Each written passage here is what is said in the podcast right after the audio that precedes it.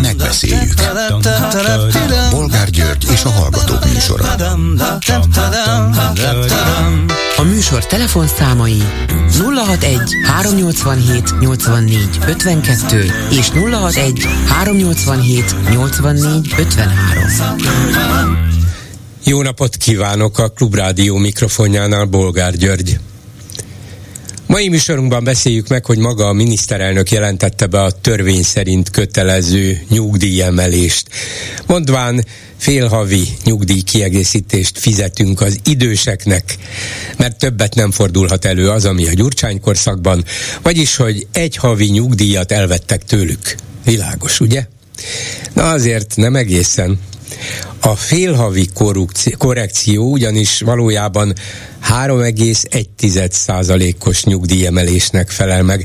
Természetesen visszamenőleg januártól, hiszen az infláció nem 15% volt akkor, mint a nyugdíjemelés, hanem az első hónapban 26, az év első felében 23, és most úgy számolnak, hogy az egész éves átlag 18,5 százalék lesz. Tehát a nyugdíjasok hiteleztek, és ezt most utólag részben kompenzálják nekik.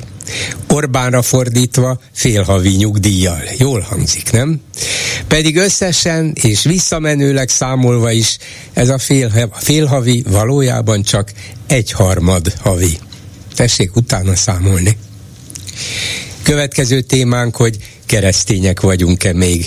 Ugyanis a tavalyi népszámlálás most nyilvánosságra hozott adatai szerint a többség már nem vallja magát semmilyen egyházhoz tartozónak. Vagy egyszerűbb, ha különbséget teszünk a tényleg vallásosak, a vallásukat gyakorlók, és a kulturális értelemben véve egyébként keresztény hagyományú magyarok között mindjárt nem volna olyan éles az ellentét, és talán nem is számítana annyit, hogy valaki jár egy templomba, vagy nem. Egyébként meg a fejlett világban egyre kevesebben gyakorolják a régi hagyományos módon a vallásukat, még ha hisznek is Istenben mit szólnak ugyancsak a népszámlálással kapcsolatban ahhoz, hogy sokkal kevesebben vallják magukat cigánynak, mint 2011-ben az előző népszámlálás alkalmával, holott a cigányság létszáma a társadalomban nyilván nőtt azóta. De úgy látszik jobb ezt nem bevallani? Mit gondolnak aztán arról, hogy egyre több ellenzéki párt próbál hangulatot kelteni a Fidesz ellen azzal, hogy bár szavakban migráns ellenes ez a kormány, gyakorlatilag mégis tízezer számra hozza be a vendégmunkásokat. Lehet ezzel a politikával, ezzel a figyelemkeltéssel, hangulatkeltéssel szavazatot szerezni? És helyese? Végül beszéljük meg, hogy már az Ásothalmi polgármester tudják, Torockai László utódja is arra figyelmeztet, hogy naponta százával jönnek át a lezárt szerb határon az idegenek. A nagy részüket nem is tudják elfogni sem a határvadászok, sem a rendőrök, a határ itteni oldalán pedig tucatjával várják őket az embercsempészek, hogy mindjárt tovább vigyék őket Európa más országaiba. Így költünk mi 100 milliárdokat a határvédelemre? Ezt állítják be követendő példaként az Uniónak. Miről beszélünk? Miről beszélnek? Mi folyik itt? Vagy mi nem folyik? Telefonszámaink még egyszer 387 84 52 és 387 84 53. A telefonnál pedig őszintén szóval nem tudom ki, hogy egy hallgató-e vagy Hidvégi Balázs a Fidesz európai parlamenti képviselője. Az utóbbit várom, kíváncsi vagyok, ki szólal meg. Én vagyok itt, Zinger Viktor. De még Elnézést. lehet önből is európai képviselő, nem? Ez, ez igaz. Elnézést, hogy tegnap nem telefonáltam, mert nem értem rá. De ugye tegnap volt téma a kedvenc témám, aminek szerintem én vagyok Magyarországon elég szakértője, mármint Szijjártónak a repülései. És uh, csak arról szeretném tájékoztatni, hogy eddig két adatbázisom volt, és most a kettőt összeraktam, és így gyakorlatilag két és fél év alatt 1 millió 250 ezer kilométernél járunk, 1820 óránál, ami azt jelenti, hogy már három és félszer megtette a hold föld távolságot. Hát lehet, hogy ő lesz az első magyar astronauta, nem? Igaz, hogy állítólag öt más kiválasztott közül folyik a... Négy, a négy. négy, négy, igen, jó. De lehet, hogy ő az ötödik, a titkos befutó, nem? Lehet, mégis ő írta alá a szerződést, meg gondolom majd össze. Uh-huh. Uh, még nem tudjuk. Ez ennyi repülés Uh, szóval- után szerintem nagy esélyei vannak, ráadásul nagyon sportos, úgyhogy szerintem volna, Szerintem volna sansza. kéthetes- gyors talpalóval kiképzik. Minden kibír. Így van. Ja. Jó, köszönöm szépen, hogy figyeli. Én Szerintem is figyelni kell a külügyminiszter minden lépésére. Nem tudom, Szlovákiába azért csak nem repülővel ment, nem? Érdekes, de nem találtam erre vonatkozó nyomot. Tehát Hát megnéztem akkor a biztos környező autóval. nem állnak-e ott a, az általa használt repülők, ez nyilván részben a honvédségi, de részben ilyen ö, bérelhető gépeket is időnként használ, de nem álltak. Tehát ö, vélelmezem, hogy, hogy autóval volt. Úgyhogy erre nincsen semmilyen ö, ráutaló jel, hogy azzal lett volna. Igen, igen.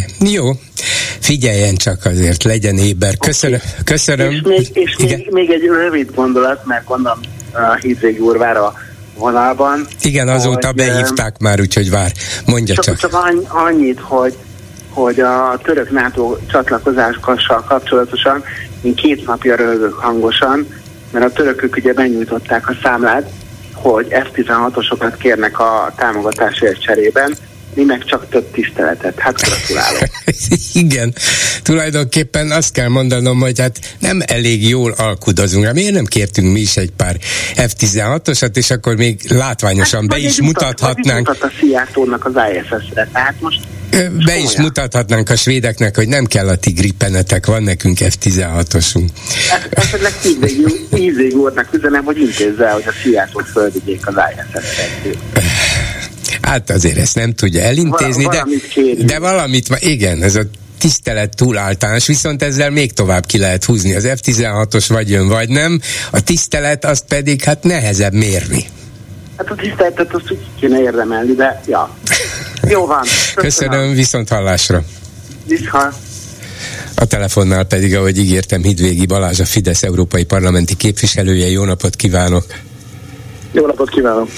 Nem a svéd NATO csatlakozás halogatásával fogom önt bombázni, bár biztos van róla véleménye, de hát végül is nem az ön szavazatán múlik, ez magyar parlamenti ügy, vagy a magyar kormány ügye, és legfőjebb csak a politikát figyelemmel kísérő, a politikát. Brüsszelben gyakorló politikusként lehetne hozzászólni valója, de mondom, nem erről, hanem, hanem néhány héttel, nem, néhány nappal ezelőtt inkább egy hét, tíz nappal ezelőtt fordult elő az, hogy sokan fölfigyeltek rá szinte mindenki, azt hiszem még kormányoldalról is, a kormánymédia is, ellenzéki is egyaránt, hogy nagyon felháborodott egy fóliázatlan gyerekkönyv miatt, amelyben homoszexuális tartalm, tartalom volt olvasható, és azonnal bejelentést tett a főispánnál, volt olyan portál, amelyik ezt olyan címmel adta tovább, hogy a főispánnak spicliskedett a Fideszes európai parlamenti képviselő. Én nem vagyok ennyire rossz májú. Engem inkább csak az érdekel, hogy tényleg ott várt a repülőtéren, nyilván sokat utazik ide-oda, kezébe vett egy gyerekkönyvet, fölfedezte benne ezt, és azt mondta, na hát ez tűrhetetlen, vagy van egy ilyen általános elvárás fideszes politikusoktól, hogyha láttok valami ilyesmit, akkor azért szóljatok, nehogy már ez a dolog elaludjon, állandóan napirenden kell tartani. Nézze, a repültéren jártam, Brüsszelbe utaztam éppen, úgy emlékszem, és újságokat nézegettem, meg, meg könyveket, amik gyakran megtettek, és nem kell ehhez külön elvárás, nincs is ilyen természetesen a Fideszben. Édesapaként gondoltam úgy egyébként, hogy, hogy ezt szóvá teszem, mert hogy Magyarországon van egy olyan törvény, ami ezt egészen világosan leírja és tiltja ezt a dolgot. Gyerekeknek való könyvek között ilyen könyveknek nincs helye, ezt ott kitették, én pedig írtam erről a, az illetékes hatóság vezetőjének. Ennyi történt, ez a normalitás szerintem. Az, hogy aztán ki hogyan tálalja, vagy tálalta az ellenzéki sajtóban, az legyen az ő gondjuk. jó lelkiismeret alapján jártam el, és még egyszer a törvények mindenkire vonatkoznak, ezekre a könyvesboltokra is például. Hát persze a törvények vonatkoznak rá, csak mégis egy, egy Európában járatos, az európai kultúrát jól ismerő, nyilván nem mindenben azzal egyetértő politikusnak kell-e ilyenkor bejelentést tenni? Még, az is, még azt is elfogadom, hogy ön személy szerint egyetért vele, de ennyire fölbuzog önben valami, hogy na hát, hát ezt azért már nem, úgyhogy bejelentést teszek? Nézze, a helyzet az, hogy érdemes a dolgot a tágabb összefüggéseiben nézni valóban. Magyarországon is, meg a tágabb európai környezetben is. Amit én kétségtelen jól ismerek, és, és a mostani munkám kapcsán is rendszeresen találkozom ezzel, és tapasztalom. Egy sokkal tágabb dologról van szó, egy olyan kulturális háborúról gyakorlatilag a hagyományos értékrendünk, hagyományos kategóriáink, életmódunk ellen, amelynek ez a, a vetülete, ami a szexualitásnak a, az átalakítása, a ráerőszakolása a kiskorúakra és egy különböző egyre nehezebben követhető szexuális modellek vagy szexuális életformák népszerűsítésének a kötelező vététele, ugye erről van szó, ez már valóság, akár itt Belgiumban, ahol itt most vagyok, mikor beszélgetünk. Ezzel fel kell lépni, ez egy önvédelmi reakció, nem arra van szó, hogy mi buzog fel az emberben, vagy mi nem, hanem hogy meg kell védenünk, meggyőződésem szerint azt az értékrendet, amiben mi az életünket töltsük, ahogyan felnőttünk, és amelyet értékesnek gondolunk ahhoz, hogy továbbadjuk a gyerekeinknek és a, az utódainknak. Ezért hozott egyébként a Magyar Országgyűlés számos intézkedést, ezért került az alaptörvénybe az, ami bekerült arról, hogy az apa férfi, az anya pedig nő, és hogy mi a házasság definíciója, mert ezek az evidens a legtöbb ember számára evidens és magától értetődőnek tartott keretek és kategóriák, ezek állnak durva támadás alatt a nyugati világban. Mi a nyugati világban tartozunk, de ezzel ellen a tendencia ellen fellépünk, ez egy nemes küzdelem, ha úgy tetszik, ez a tágabb kép, erről van. Uh-huh. Nézze, abban is egyet tudunk érteni, hogy valóban rengeteg információforráson keresztül jut el olyanokhoz, akiknek ez semmiképp se valóban a felnőtteknek sem a legdurvább, legagresszívabb, legerőszakosabb, leggyomorforgatóbb, akár szexuális tartalom, nem csak homoszexuális, hanem heteroszexuális, mindenféle, hogy ezektől hogy lehet a gyerekeket megvédeni, hát ez egy nagy kérdés, nem biztos, hogy a Fidesz fogja feltalálni, vagy megtalálni a megoldást. De hát, ha önmagában a homoszexualitást kiemeljük több egyéb körül, közül, és azt mondjuk, hogy na hát ez valami mocsok, ez a mi ez a mi életformánkkal ellentétben áll, akkor nem biztos, hogy egyrészt tisztességes, hogy a, a mai világ általános értékeinek megfelelő dolgot állítanak, tehát az, hogy van mocsok természetesen a szexualitásban is, az azzal kapcsolatos irodalomban, filmben, pornóban, és itt tovább, ez nyilvánvaló. De a homoszexualitást önmagában nem volna szabad elítélni, hiszen az egyfajta szexuális irányultság, azzal jó, jó hogyha a gyerekek is tisztában vannak, nem? Igen, de nem is az elítélésről van szó ennek, hiszen a Magyarországi Gyermekvédelmi Törvény, ahogy a nevéből is következik, a kiskorúakra vonatkozik, az, hogy felnőtt korban, nagykorúság elérése után ki hogyan éli meg a saját szexualitását, hogyan fedezi föl és, és éli meg a, a szexuális identitását, az az ő dolga, ez egy magánügy, és ebben nem kell beleszólni semmilyen állami hatóságnak. Itt kifejezetten a kiskorúak védelméről van szó, és arról, hogy olyan tartalmak, amelyek a hagyományos születési nemtől eltérő identitásokat és szexualitást reklámozzák és erőltetik, ennek nincs helye véleményünk szerint a gyerekek körében, ennek nincs helye az iskolákban, ezt nem lehet megengedni, és bármennyire is ez ma a trend, mert itt mondom, Brüsszelben itt kötelezően előírt egy hónapig tartó ünnepségsorozatot tartanak iskolákban, ahol a különböző nem identitásokat népszerűsítik kisgyerekeknek. Ez szerintünk helytelen, hiába jön Nyugat-Európából, ez nem elfogadható, nem helyes, nem egyezik a mi meggyőződésünkkel. Nem bonyolódunk bele olyan kérdésekbe, amiket ön feszegetett, azok a felnőttekre vonatkoznak, és alapvetően a magánéletnek a szférájába a gyermekek védelme, akár egy könyvesbolt tekintetében, akár az iskolai tananyag tekintetében az azonban állami feladat arról gondoskodni, és ennek képezi részét ez az intézkedés. És akkor ehhez tette ön hozzá a magáét ezzel a bejelentéssel? Én azt gondolom, hogy minden törvénytisztelő állampolgár azt szereti, hogyha a törvényeket mások is betartják. Tehát az mindenkire vonatkozik, és mivel ez egy konkrét számon kérhető rendelkezés, ha ezt valahol nem tartják be, azt szóval lehet tenni, és ebben, ebben nincs mit szégyenkezni szerintem. Hát akkor térjünk át a nagyobb dolgokra, európai dolgokra. Amikor von der Leyen, az Európai Bizottság elnöke a parlamentben megtartotta az év értékelő beszédét, akkor hát ő nem sok dicsérő szót vesztegetett rá, és olyanokat mondott róla, hogy, hogy gyakorlatilag azok a válságok, amelyek Európát érték az elmúlt években, Brexit-től kezdve, az illegális migráción át, a koronavírus járvány, ukrajnai háború, gazdasági válság, mind hozzáértő vezetést, megfelelő döntéseket igényeltek volna. Ehelyett értelmetlen brüsszeli központosítási törekvések minden politikai területen, szégyenletes ideológiai dzsihád, és ezek mind megosztottságot eredményeznek és gyengítik Európát. Mintha hazabeszélt volna az értelmetlen brüsszeli központosítási törekvéseket le lehet fordítani, úgyhogy igen, kapkodott az Orbán kormány, hát menj, de mennyire 300 milliárdot hirtelenjében el tudott költeni teljesen szükségtelen lélegeztetésre lélegeztetőgépekre, hogy csak egyet emeljek ki. Szégyenletes ideológiai dzsihád, hát nem vagyok ennyire durva, de hát például ez a fóliázás tulajdonképpen ennek megfelelő dolog, és ezek megosztottságot eredményeznek itt Magyarországon, gyengítik Magyarországot, és gyengítik Európát is. Szóval haza beszélt? Nézd, köszönöm szépen, hogy ilyen részesen ismerteti a beszédemnek a fő mondani valóit, amit valóban két-három hete mondtam a, a, az unió állapotáról szóló vitában.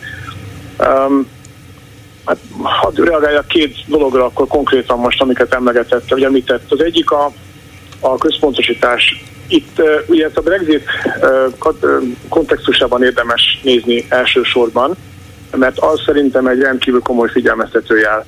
Az Egyesült Királyság az egyik legfontosabb tagállama volt az Uniónak, bár később lépett be, nem alapító tag és tudjuk, hogy egy nagyon bonyolult politikai meg intellektuális viszony jellemezte mindig a britteket és a kontinens, de egy rendkívül fontos tagállam volt gazdaságilag, katonailag, népességet tekintve és így tovább. Őket elveszítettük, ennek nyilván szertágazók az okai, de az egyik legfontosabb oka az pontosan a túlzott központosítás volt.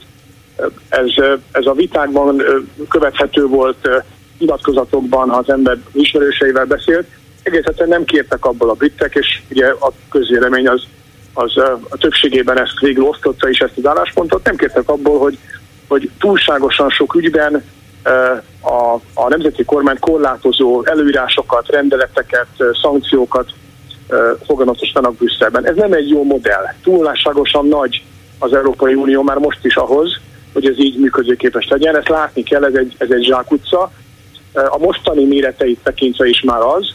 Itt állandóan ugye a, a, a, a sokféleség ünnepléséről van szó. Most pont egyébként beszélgetünk egy, egy MTC konferenciáról, jöttem ki itt a, a Járdán sétálok, miközben beszélgetünk, ami pont is MCC, Brüsszelben is MCC konferencia van? Hűha. Így van, így, így van, egy nagyon jó konferencia a diverzitásról szól és azt járjuk itt körbe ezen a beszélgetésen, hogy vajon ez, ez mennyiben érték a sokféleség, és hogyan vált ennyire központivá, legalábbis a kommunikációjában az Európai Uniónak. Mert a helyzet az az, hogy a sokféleség már itt megvan abban, ahány tagállam része ennek az együttműködésnek. A sokféleség már megvan abban, ahogy például a nemzeti kormányokat megválasztják, és azok a, a saját politikai értékeiket megvalósítják. De ezt kevés, egyre kevésbé fogadják el. Tehát miközben a, a sokféleséget ünnepelni kellene, és itt ezt állandóan hivatkoznak erre, valójában nem fogadják el. Látszik az, hogy egy ideológia egyre keskenyebb, egyre inkább e, zárt, egyre inkább türelmetlen e, irányba mozdult el és és ha valaki ebből kibeszél, ilyen a magyar kormány például, ilyen most az olasz kormány sok szempontból, ilyen a lengyel kormány, akkor az büntetik, fenyegetik, sőt ma már pénzzel zsarolják, pénzvisszatartással zsarolják. Ez egy zsákutca, és ezt látni kell, ez a tágabb összefüggése egyébként a, a, a, az unió helyzet, helyzet értékelésének. A másik pedig, amit hangsúlyoznék, az, amit ön is említett, hogy kérdezett a, az ideológiai dzsihád, ezzel összefüggésben, az Európai Unió nem egy világnézetről szól. Az Európai Unió, az Európai Együttműködés nem egyenlő egy egyre radikálisabb baloldali ideológiával. Ilyen is lehet itt, ezt elfogadom, mert sokféle vélemény létezik, de helyet kell biztosítani és tiszteletben kell tartani a konzervatív, a kereszténydemokrata, a nemzeti alapon álló hagyományokat előtérbe helyező, azokat védő politikát is, főleg akkor, hogyha a többségi támogatást kap és élvez nemzeti választásokon. Jelenleg nem ez a helyzet, és ezek alapvető problémák. Tudom a kollégámtól, hogy sietős dolga van, egyet kérdezek még, ha belefér, hogy ön azt is említette, hogy nem engedünk a betelepítési kvóta követelésnek, a kerítés állni fog. Igen, hát ezt ismerjük, régi dolog, ezt régóta mondja az Orbán kormány, de éppen most panaszkodik Ásott Halom polgármestere, nem Torockai már az ő utóda, hogy naponta több százan jönnek át a le lezárt, kerítéssel lezárt szerb határon. A nagy részüket nem tudják elfogni, bár állítólag több száz milliárd forintot költünk erre a védelemre. Ott állnak a határ itteni oldalán az embercsempészek tucatjával, hogy fölvegyék őket és vigyék tovább Európába. Láttuk az elmúlt hetekben, hogy jé, 20-30 ezer menekült került a szlovák-magyar határa, hogy ott kérjenek menedéket, hogy Ausztriába mennek évente tízezrek, azt is tudjuk.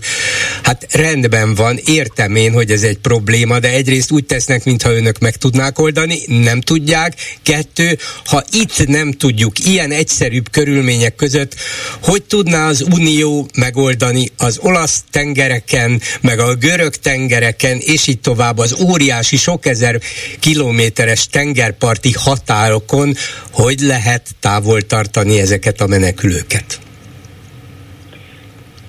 Hát először is a, a, az érkezőknek egy, egy kisebb része a menekülő, a menekült, ugye a régi vita ez, amit már mi is többször lefolytattunk itt, a, itt a, ebben a műsorban. Az érkezőnek a döntő többsége az bevándorló, illegálisan érkező, illegálisan átutazó gazdasági e, javak érdekében, vagy jobb élet reményében érkező bevándorló, zárója bezárva, de a másik pont, amiről e, érdemes itt beszélni, a tágabb kérdés, az az, az hogy látszik ezekből a felsőt adatokból, amelyek uh, hitelességre nem volt meggyőződve, lehet, hogy az ásatami polgármester hát, ott ő van ott, látta, én nem voltam ott, ő van ott. Azon az egy határszakaszon lehet, hogy ő ezt tapasztalta, hogyha ez így van, akkor nyilván oda majd megerősített katonai meg rendőri jelenlét uh, uh, szükséges. De látszik az, tágabb összefüggésbe helyezve, hogy a, a kezeletlen, az, a, a megengedő hozzáállása a, a törvénysértő bevándorlásnak, az illegális migrációnak, az mára az egyik legfontosabb uniós ö, ö, eredményt, a Schengeni vezetet, a, a belső szabad mozgás, a határok átjárhatóságának a, az ívmányát, az eredményét veszélyezteti. Mert nem lehet fenntartani ezt a rendszert úgy, hogyha a külső határait ennek a zónának, és tágabb értem az Európai Uniónak a külső határait nem védik meg. Nagyon sokszor elmondtuk, és nem tudunk más mondani, a nulladik lépés, a kezdőpont az, hogy vissza kell állítani a szigorú határvédelmet, amit egyébként egy tengeri határnál is meg lehet tenni, óriási erőfeszítést igényel, nagyon sok pénz, nagyon sok ember, de meg lehet védeni, a történelmből tudjuk, egy tengeri határt meg lehet védeni, hogyha van rá politikai akarat, egy szárazföldi határt is meg lehet védeni, hogyha van rá politikai akarat. Jelen pillanatban még mindig kisebbségben vagyunk mi a magyar pozícióval abban, hogy ezt határozottan meg is tegyék. Egyre többen látják be, hogy erre szükség van, de nem születtek meg azok a döntések, nem születnek meg egyelőre, és a legutóbbi, a jelenleg folyó migrációs faktumról szóló vita sem nyújrányba mozdult el az elmúlt időszakban, amelyek ahhoz lennének szükségesek, hogy ez meg is történjen. Pedig enélkül nem lehet ezt megoldani, mert állandósul ez a krízis, látszik a számokból, ezek 2015-16-ot idéző számok amikkel Európa szembesül. Ez azt jelenti, hogy ez a dolog ez továbbra is megoldatlan, és amíg az alapokat nem tesszük rendbe, addig nem is oldódik meg.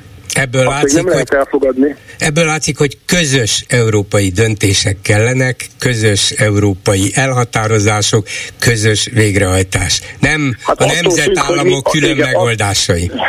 Attól függ, hogy milyenek, mert ha a közös megoldásnak azt nevezzük, jelen pillanatban még ez a helyzet, hogy a mások által beengedett, vissza nem ö, ö, utasított illegális bevándorlókat osszuk szét, és ez legyen ez a közös megoldás, az nyilvánvaló zsákutca. Ez eddig sem működött, és bárki bármit mond a tárgyalásokon, vagy a nyilatkozatokban, eztán sem, fog, eztán sem fog működni.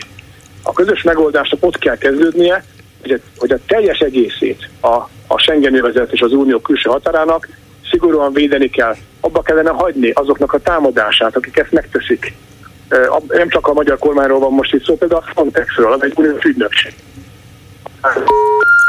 Na, hát akkor, ha Hidvégi Balázs nem tette is le a kagylót, de valaki valahol közbeszólt, minden esetre, ha még hall engem, akkor köszönöm szépen viszont hallásra.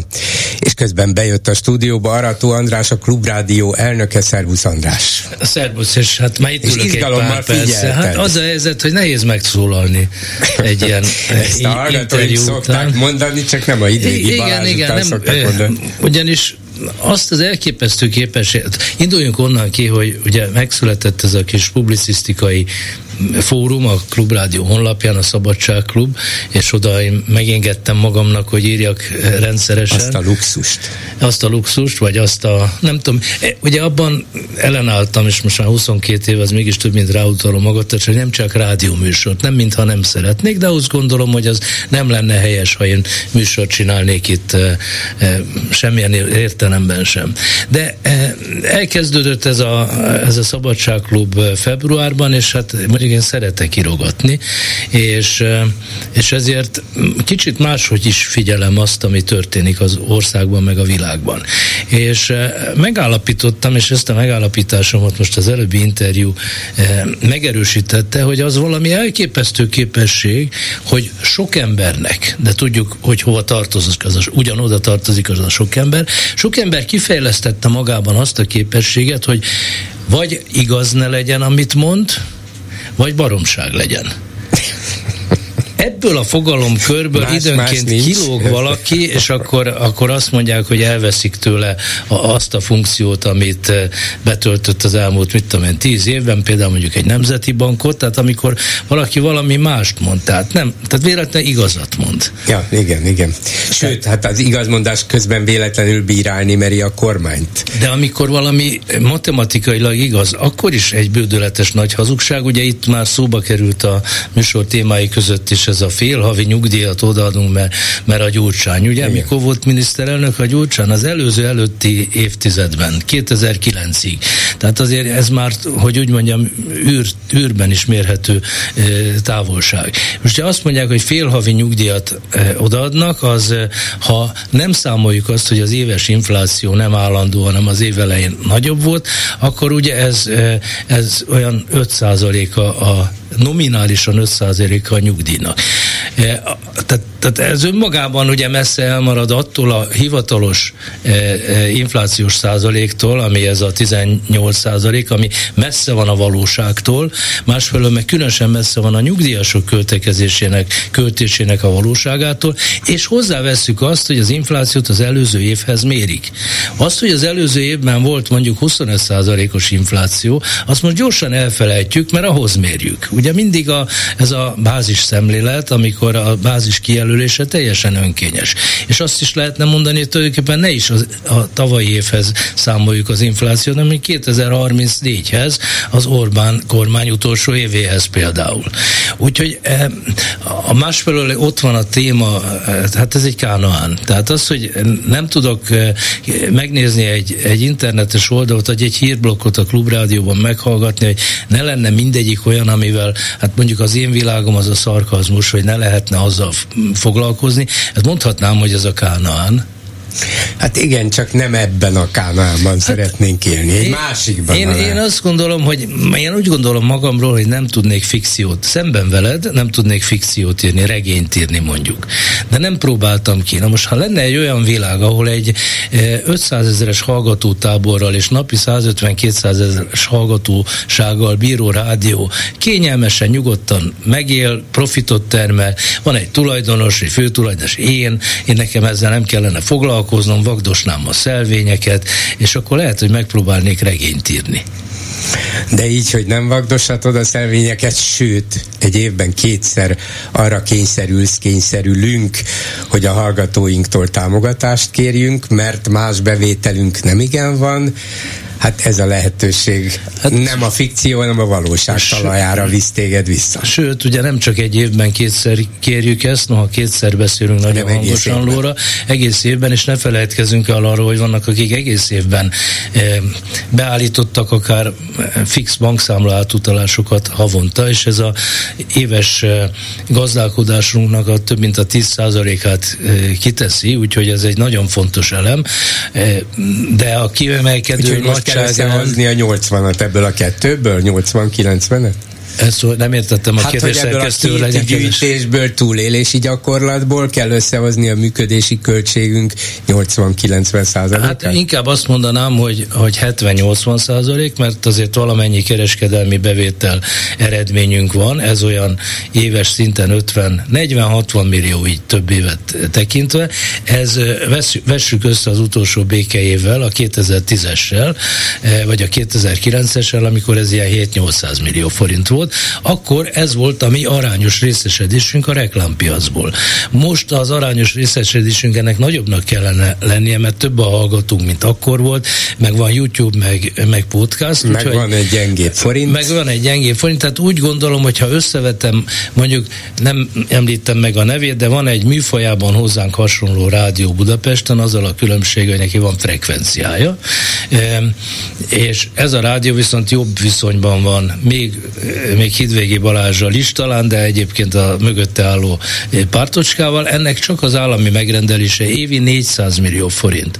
A klubrádió éves gazdálkodása... Mármint, hogy az állam különböző módokon így szponzorálja őket? Nem, nem, az á, a különböző állami eh, intézmények és maga az államnak a szervei, azok a kommunikációs büdzséből, egyszerűsítsük le Rogán büdzséből, igen. ennek a kicsi rádiónak, mert ennek a rádiónak olyan nyolcadannyi hallgatója van itt a klubrádiónak, csak ilyen megrendelése 400 millió van. És az összes kereskedelmi bevétele meg szépen fölmegy egy milliárdra, mert vannak azok a magán piaci szereplők, akik közel állnak a kormányhoz, vagy azért, mert a szívük arra felé dobog, vagy azért, mert a pénz onnan áramlik hozzá, hozzájuk különböző szerződések eh, formájában, vagy vissza nem térítendő támogatások formájában. Ezzel már milliárdos nagyságrendű lesz ennek a kis zsebrádiónak a bevétele. Most ehhez viszonyítsuk azt, hogy a klubrádiónak e, ilyen mennyiségű hallgató mellett évi 40-50 millió e, forint kereskedelmi bevétele van. Igen, és hát ezért van szükségünk arra, most 3 4-ig 73 millió 485 ezer forint gyűlt össze, azt mondtam volna tegnap délután, hogy tulajdonképpen jól haladunk, elégedettek lehetünk. Most 24 óra elteltéve, de ez biztos véletlen. Egy kicsit, mint hogyha lelassult volna, pedig még nem is vagyunk a gyűjtés közepén. Hát a, nem csak te, hanem a hallgatók is tudják, hogy én sose vagyok nyugodt akkor, amikor a megélhetésről van szó. Láttam, izgatottan jöttél be az ajtón, de lehet, hogy Hidvégi Balást akartad hát, hallgatni. ugye több hatás éri egyszerre az embert, és a vektora ugyanabba az irányba mutat. Nincs baj, azt mondanám, tehát közel 75 millió forintra nem lehet azt mondani, hogy, hogy ezzel most baj van. Nem vagyunk még időben a, az egy hét felénél, ami ugye két hét, az egy hétfele. Eh, ha összevetjük azzal, hogy, hogy tavasszal, amikor eddig a legtöbb, eh, ősz, mi van most ősz van, igen, tavasszal, amikor a legtöbb rekord támogatás volt, akkor körülbelül 5 millió forinttal álltunk jobban, de rögtön hozzá kell tenni, hogy az összehasonlítások egy picit azért sántítanak, mert tavasszal mindig március 15-éhez kötjük a kezdést, az hétköznap, beleesik hétvéget, Tehát itt egy néhány milliónyi torzulás van, úgy gondolom, hogy ha fordítva lenne, akkor ez kiegyenlítettebb lenne. A második legtöbb, legsikeresebb gyűjtés a tavasz, tavaly őszi volt, ahhoz képest meg egy millióval több gyűlt össze. Uh-huh. Tehát én, én szeretném megnyugtatni és felizgatni a kedves támogatni akaró hallgatókat, hogy van még feladat, úgy gondolom, hogy körülbelül a, a szükséges összeg felénél tartunk, meg az időben meg még nem egészen a felénél, tehát én, én bízom önökben, hogy ez, hogy ez összejön. Még egy dolgot hadd tegyek hozzá, mert ugye hát ez fantasztikus, hogy, hogy, hogy elveszik a frekvenciánkat, és utána is nő a támogatás.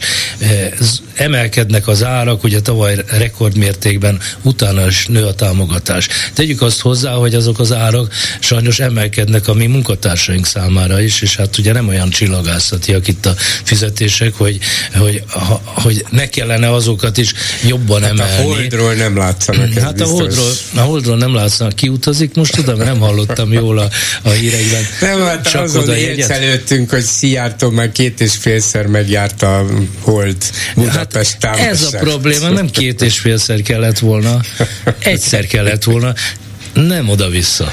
Értem, értem. Nem, nem is tudom, mire gondolsz. Hát egy ilyen szorgalmas külügyminiszter tényleg nincs egy nyugodt perce sem, azt tudom mondani. Hmm. Csak közben mondom a hallgatóknak, hogy nyugodtan telefonáljanak, kérdezhetnek is Arató Andrástól, meg el is mondhatják, hogy mit csináljunk ne még legy, jobban. Ne legyünk igazságtalanok. Az, hogy egy külügyminiszter járja a világot, ez tulajdonképpen rendben van. Az nincs rendben, hogy mit csinál azzal, amikor ő járja a világot.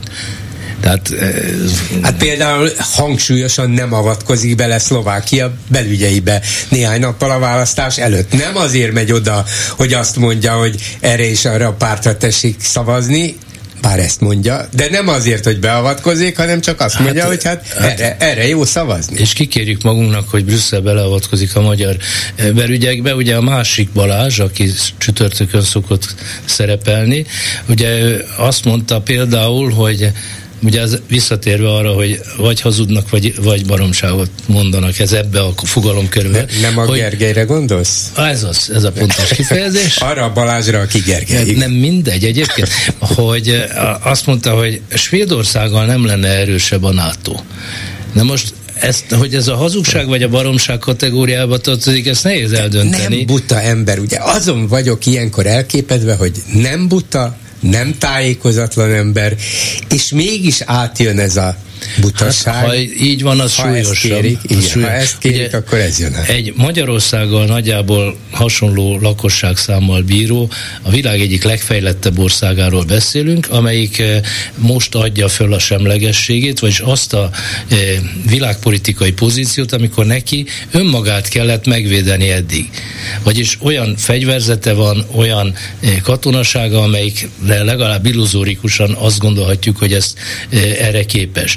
Itt van Magyarország ugyanannyi lakossággal, hát én voltam katona, szerintem körülbelül ott helyezkedik el a Varsói, helyezkedett el a Varsói szerződésen belül Magyarország, mint most a NATO-ban. Ott, ahol én katona voltam, utász, vagy hogy hívják ezt, ott pontohidat kellett összerakni, aminek a normája, ha jól emlékszem, 35 perc volt. A leggyorsabban, amikor ez sikerült, az kettő napig tartott. Ennek az egyik oka az volt De egyébként. Sikerült, nem? nem? Nem tudom, nem mindig, mert hogy a lagdikok, amikkel ez ki kellett, szóval azok általában lukasak voltak. Most én nem tudom, hogy a magyar hadsereg, a magyar hadseregnek egy nagy előnye van ahhoz képest, amikor én voltam katona, hogy nincs kötelező sor, sorkatonai szolgálat. Mert annál undorítóbb dolog kevés történik az ember életében, mint hogy hosszú időre, 11 hónapra, 24 hónapra eh, a saját, anélkül, hogy bűnt követett volna el, bezárják valahova. Én nagyon rossz katona voltam, be kell, meg kell mondjam, eh, mondjuk fizetés arányosan rendben is volt a dolog. Szóval nem tudom, hogy a magyar hadsereget hova lehet tenni értéket tekintve, de azt, hogy... Eh, de rettegjenek a svédek, mert nem fogjuk megvédeni őket. Szóval, tehát én azt gondolom, hogy ha nem lenne ilyen véresen komoly, akkor ez nagyon nevetséges lenne.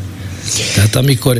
De tényleg véresen komoly, mert ezt a szánalmas parádét, amit előadnak, hát cirkusz, parádé, hazudozás, össze-vissza, nem, tényleg egyetlen egy olyan elemes, de egy eredménye mégiscsak van, és nyilván ezért csinálják, valamilyen módon a híveikben, és ezek nincsenek kevesen, azt az érzést erősítik, hogy mi mindenkivel szembe tudunk szállni. A svédekkel, az amerikaiakkal, a NATO-val, mindenkivel, mert mi olyan erősek vagyunk. Lehet, hogy nincs teljesen igazunk, de erősek vagyunk Viktorral azért. E, ezt szerintem nem, ez még ezt talán nem venné be a magyarok e, kétharmadot okozó kisebbsége, e, hanem tehát ez olyan messze van. Tehát ugye nyilván Amerika nem fogja megtámadni Magyarországot, Svédország, hát Svédország észre se venni, hogy itt van Magyarország, legalábbis NATO szempontjából, hanem hogy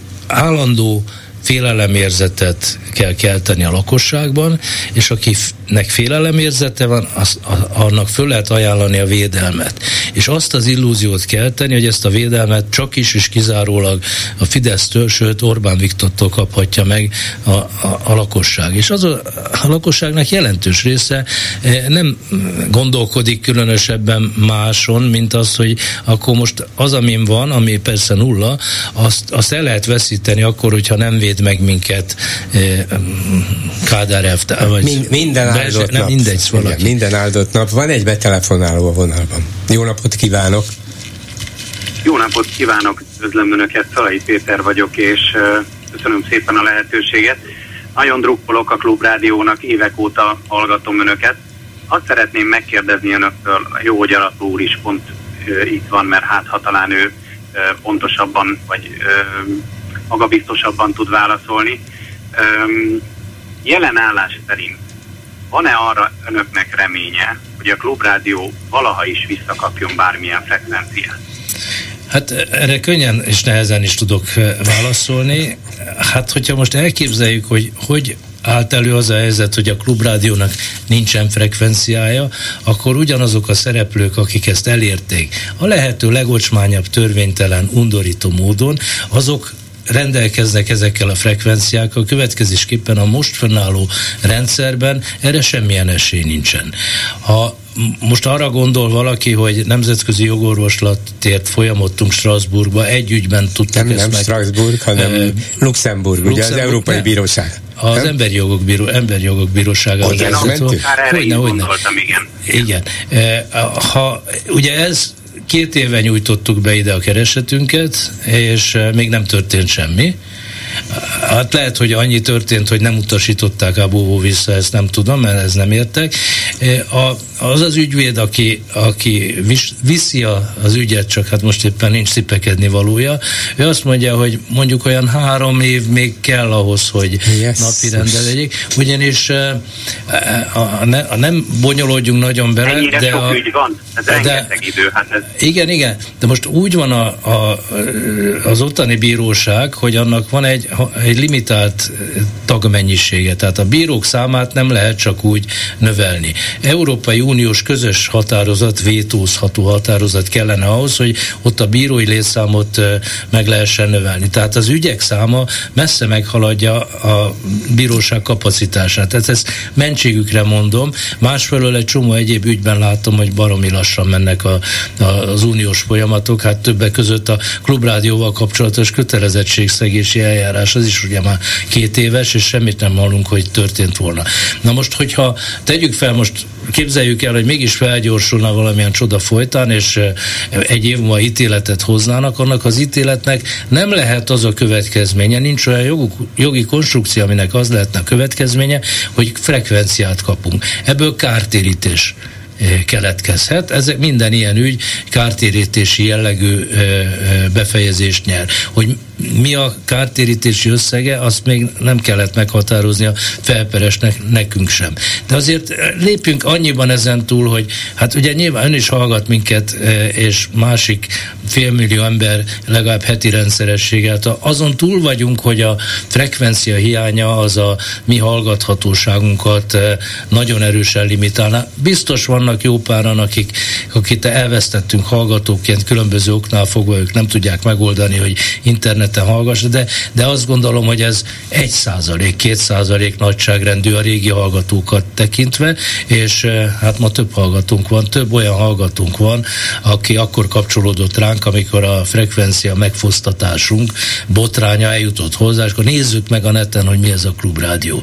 Én nem tartom ezt a mostani állapotot rossznak, természetesen felháborítónak, hogy felháborítónak tartom azt is, hogy, hogy Svédország jelentéktelen a NATO szempontjából, e, de ennek jobb az orvoslási lehetősége, mint a svéd NATO felvétel. Van még egy lehetséges megoldás, és miután Magyarország keresztény ország, jöhet az isteni megvilágosodás. Na. Tehát lehet, hogy az Orbán kormány egyszer csak megvilágosodik, hogy milyen hát nem tisztességes, nem humánus módon döntött, mennyire megszegte a törvényeket, a szabályokat, és hát ha adódik egy üres frekvencia, mint ahogy ez előfordul, és az állami tulajdonban, állami rendelkezés alatt áll. Egyszer csak azt mondja, hogy hát akkor tulajdonképpen itt van kedves klubrádió.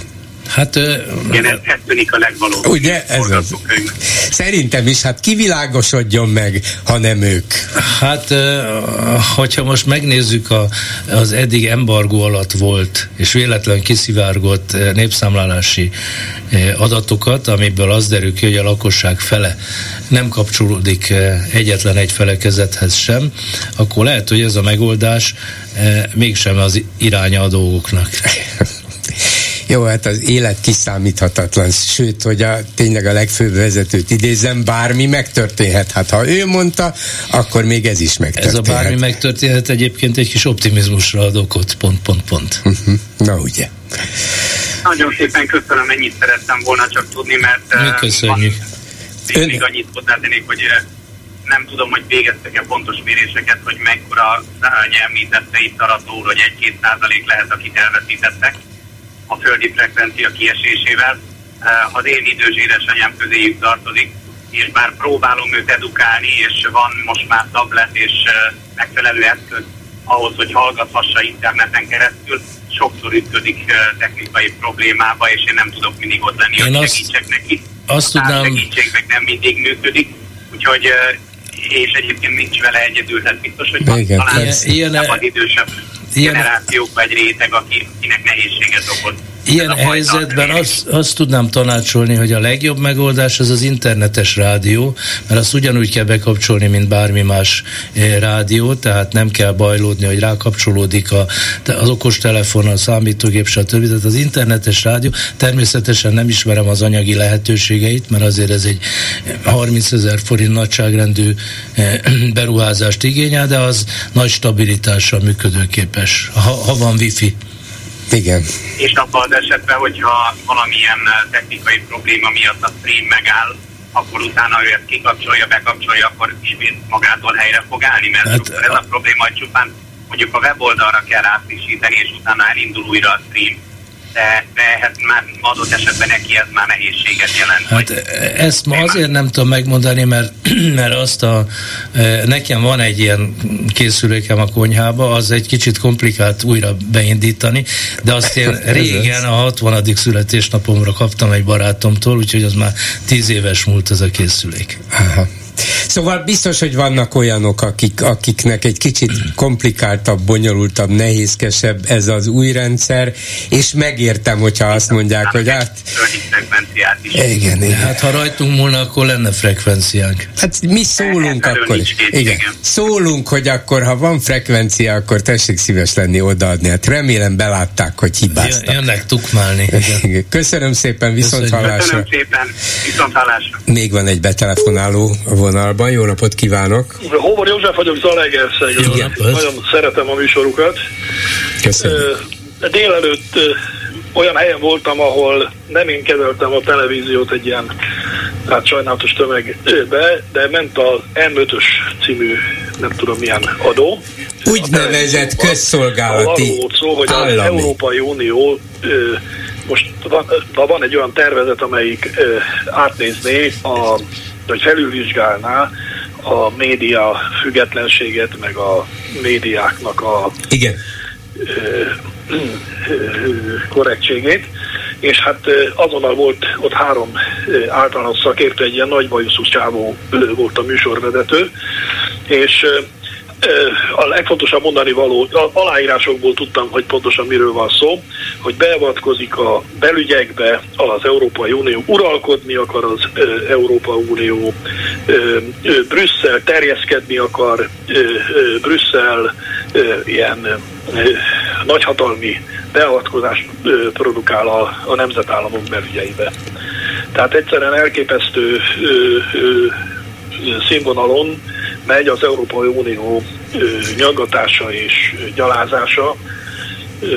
Hát most éppen le akarnak csapni a független médiára is, mondván, aki külföldről kap pénzt, az ezt ne tehesse meg ezután. Most képzeljük el, hogyha az Unió is be akar avatkozni, hogy hát az mit, borzasztó. ugye? Igen, hát ez igen, az. Igen, igen, és ugye ennek az egész ö, ö, rendszernek én szerintem az a nagy tragédiája, hogy hát a Magyar Köztársaság, ez a, ez a 90-ben létrejött Magyar Köztársaságnak a szellemi lelki alapja az 1956-os forradalom tisztelete.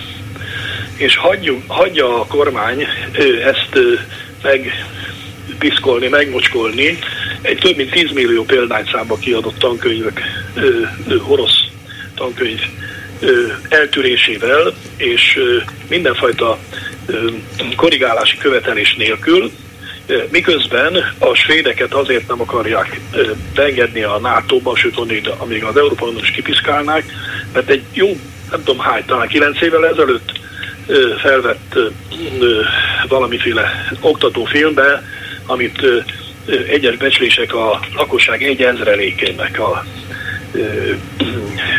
ez jutott el? Mondták. Most ezért akarják tulajdonképpen a, a csatlakozásukat negligálni. Micsoda ocsmány, micsoda ócska dolog egy olyan ország becsmérelni, ahol egyébként még a, a magyar ö, ö, haderő egyetlen épp részét, a, a grippereket vettük. Igen, ráadásul Orbán Viktor személyes közbenjárásával. De hát rég volt, az már el is felejtette. Igen. Most én nem, én nem tudom, szóval a, a svédeknek birkatürelmük van ehhez a káderhez. Ő ráadásul ugye... Azt még hagyján, hogy a... nekik, nekünk, nekünk. Hát nekünk, nekünk, nekünk meg végtelen, igen. Tehát ott van a magyar parlament kiküldött egy delegációt. Hihetetlen nagy kaliberű káderek. Nagy káderek, nagy mellényel és mosolyogva jöttek haza. Emberek, igen? Mondom, nagy káderek, nagy mellényel és mosolyogva jöttek haza, hogy hát tulajdonképpen igen, minden igen. Igen, igen, igen. Ők, ők megkutatták három nap alatt a, a svéd katonai ambíciókat és a finn katonai potenciált, és erről tudtak és mertek nyilatkozni. Hát ez tényleg megint annak a, annak a gyalázatosan gyenge, nem is tudom, tanyasi népoperetnek a, a, a színvonala alatt a béka mélységében levő diplomácia és kultúra áramlik ki Magyarországról. Ja, még a béka, az hagyjál, mert a béka feje az fönt van eléggé, de tudja, hogy melyik része alatt. Igen, ja. csak, csak egy mondat. A 2000-es évek közepén többször voltunk Németországban, és én, én, én soha nem felejtem el, hogy milyen, milyen, milyen, milyen nagyon jó volt magyarnak lenni Berlinbe. Akkor volt az, amikor a, a Interlinie a Brandenburgi kaputól, hát olyan fontossági sorrend volt, hogy Európai Uniós, amerikai, brit nagykövetség után a magyar nagykövetség alakították ki. És, Azt és, gondolom és most is ott van, csak már Orbánék irányítják. Igen, Nem azért. És, és olyan, olyan becsbe voltunk, hogy, hogy, hogy, hogy valami, valami elképesztő. És az, hogy a, a a Bundestag épületén van egyetlen egy felirat, egy magyar és német nyelvű felirat, amelyben köszönik a magyar nép hozzájárulását a, a német egységhez. Ez, ez számunkra egy olyan, olyan ragyogást jelentett. Úgy, úgy mentünk Berlinbe, hogy hogy, hogy, hogy hihetetlen boldogság. Nem, nem azért, hogy licitáljak. Most, hogy mennek a magyarok Nem azért, hogy licitáljak, de én olyanra is emlékszem, amikor Budapesten jó volt magyarnak lenni. Hát, igen, Sőt, igen, volt igen, olyan is, hogy Budapesten jó volt NDK-s németnek lenni. Szóval volt itt sok minden. Köszönjük igen, szépen, viszont Jó egészséget, viszont Arató Andrást azért nem engedem el anélkül, hogy ne mondjon egy-két lelkesítő szót a hallgatóknak, hogy csak így tovább, vagy még így ebből, vagy valamit biztos tudsz mondani. Én nagyon bízom a hallgatókban, saját magunkban is, hogy mi tudjuk azt a szolgáltatást nyújtani, amire a hallgatóink egy jó része azt mondja, hogy erre áldoz, mert a hallgatóink mindegyike tudja, hogyha ők nem fordítanak erre összeget, akkor a magyar kommunikációs piacon mi éhen halunk. Úgyhogy szerintem szép az az összeg, ami eddig összegyűlt, hogyha most hoz, összevetjük azzal, hogy a, az adó 1%-ából minden korábbinál több 50, közel 54 millió forint jutott a mi kasszánkba, ráadásul azt a, e, az államkasszától sikerült elhozni, tehát azt nem viszik haza felcsútra, e, akkor úgy gondolom, hogy hát ha valamiben bízni lehet, akkor az a mi közönségünk tágabb társadalmi kérdésekben most ne bonyolódjunk bele, elvégre most vagyunk a túlélési gyakorlatban. Úgyhogy azt mondanám, hogy a vicc mondjak, hajrá Kovács néni, ugye ez a, ez a vissza, hajrá Klubrádió, hajrá hallgatók, köszönhet, és folytatjuk. Nem merülünk alá, és kibekeljük. Köszönöm Úgy szépen. legyen. Köszönöm, András. És egy betelefonáló a vonalban. Jó napot kívánok! Halló? Halló? Halló? Figyelem, pedig már Kemény Dani kiírta nekem, hogy itt a betelefonáló, azóta hova tűnt. Na jó, elmondom azért közben, hogy mihez szólhatnak hozzá, bár gondolom maguktól is már jelentkeztek, mert hallották, vagy hozzáfűzni valójuk van. Szóval azon kívül, hogy igen, élünk, élni akarunk, és az önök segítségével élni is fogunk. Ugye ez a miniszterelnöki bejelentés arról, hogy mekkora lesz ez a nyugdíjkorrekció, Orbán Viktor szerint fél havi nyugdíj érkezik majd a nyugdíjasokhoz. Hát nem, körülbelül három, egyharmadnyi nyugdíj, havi nyugdíjnak megfelelő összeg, mert 3,1 százalékkal fogják korrigálni a 15 százalékos januári nyugdíjemelést. Ez pedig úgy jött ki, hogy 18,5 százalékra kalkulálják az évi inflációs átlagot, tehát 3,5 százalékkal magasabb, mint a nyugdíjemelés volt, de hát ezt a 3,5 százalékot az eredeti, még a 15 százalék előtti nyugdíjra teszik rá, ami a most már megemelt, 15 százalékkal megemelt nyugdíjnak már csak a 3,1 százaléka, úgyhogy ne csodálkozzanak, hogyha esetleg a 3,5 százalék helyett ennél kevesebb érkezik, és nem a havi nyugdíj fele. Háló, jó napot kívánok! Jó napot kívánok! A népszámlálással kapcsolatban a vallás hívő embereknek a százaléka erősen csökkent. Én nekem az a gyanúm, hogy az Orbán kormány és az Orbán Viktornak a személye eleve rontott a helyzeten, mert egyszerűen a, a, a, aki hívő ember az nem hazudik, nem lop, nem csal állandóan, és ezt, ezt a példát, ha látják az emberek, arra mondanak, hogy akkor ez nem egy hívő ember, hanem egy kereszt, álkeresztény, aki annak állítja be magát, mint a keresztény lenne. És ezt sokan észrevették, gondolom, és emiatt ö, ö, biztos vagyok benne, hogy a kelet-európai országok közül messze Magyarországon romlott legjobban a támogatása a hívő ö, körökbe. Tehát egyszerűen ez az első fő probléma, hogy a példa, amit Orbán Viktor mutat, az egyszerűen a hívő embereknél, akik annak tartják magukat, mint ahogy én is, a, a népszámlálást már nem töltöttem ki azt a rovatot. Aha. Mert egyszerűen nem akartam egyetérteni az Orbán hívő féle, keresztény gond, ember gondolkodásával, mert az pont ellentétes a.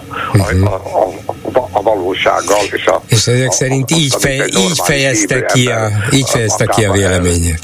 Képzel. Uh-huh. Úgyhogy ez a, a, a fő probléma, amit aztán végképp, hogy a, a, a, a hívő emberek mégis rászavaznak, egy millió vagy másfél millió szavazóra számít, az azért lehet az egyik oka, hogy viszont pénzt bőven az egyháznak föltállal, fölkínál, és el is fogadják, és azért ennek fejében természetesen nem kritizálnak semmit, mert addig kapják a pénzt, amíg erre számíthatnak.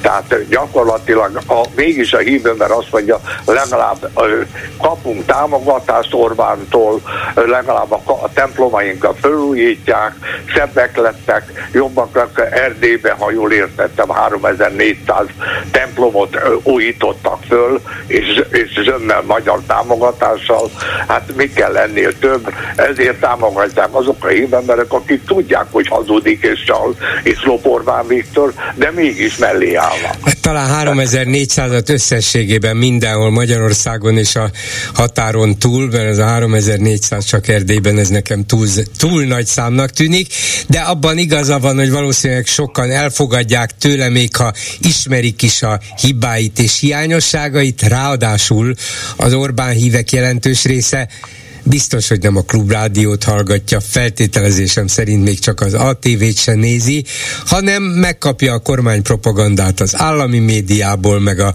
a Fidesz barát médiából, és abból van sokkal több, ott pedig egy szó sincs arról, hogy ő lopna, csalna, hazudna, ugyan már ő csak jót tesz és hát egyáltalán a, a hívő emberek a, a, a, el nem tudják képzelni, hogy lehet ilyen gondolkodással kereszténynek hívni magát egy embernek.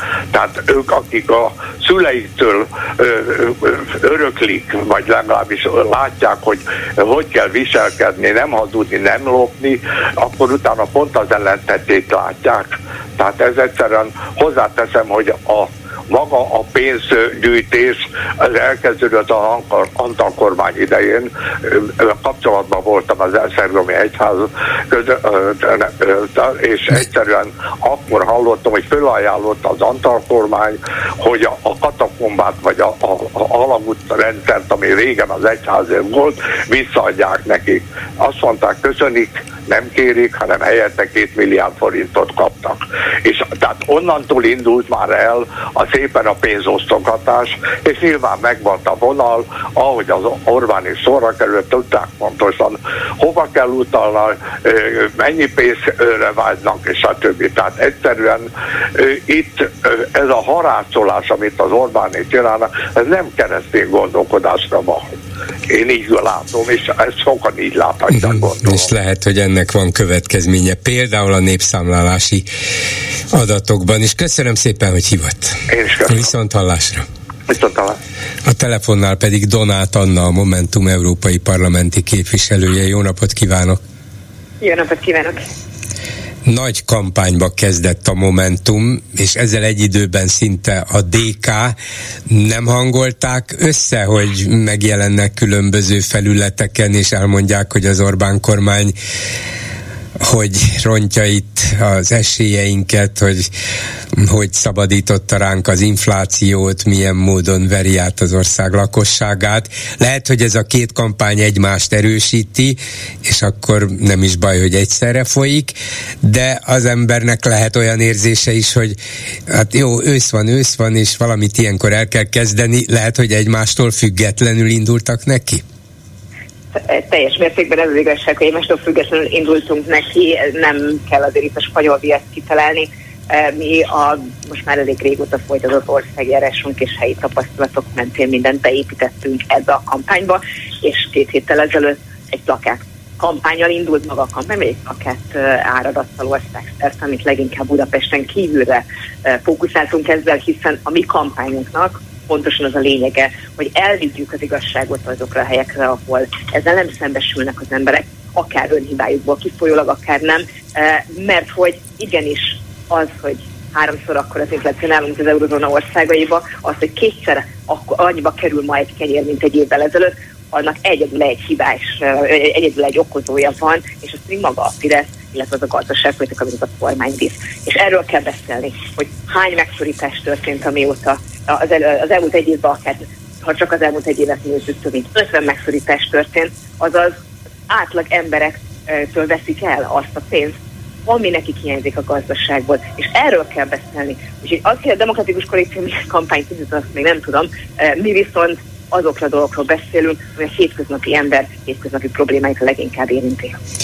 Van egy olyan fajta remény önökben, hogy miközben az anyagi lehetőségeik nyilván korlátozottabbak, sokkal korlátozottabbak, mint a Fideszéi, ugye vegyük csak azt az egyetlen dolgot számításba, hogy már több mint három hónapja láthatók országszerte a nem is Fideszes plakátok, csak a Fidesztől hát nehezen elválasztható civil összefogás fórum nevű nagyon civil szervezetnek a háború pártiak plakátjai, ugye ellenzéki politikusok képeivel rajta, és ez már több mint három hónapja a listáron ez több mint egy milliárd forint értékű, hát nyilvánvalóan annyi pénzük van ezeknek a civileknek.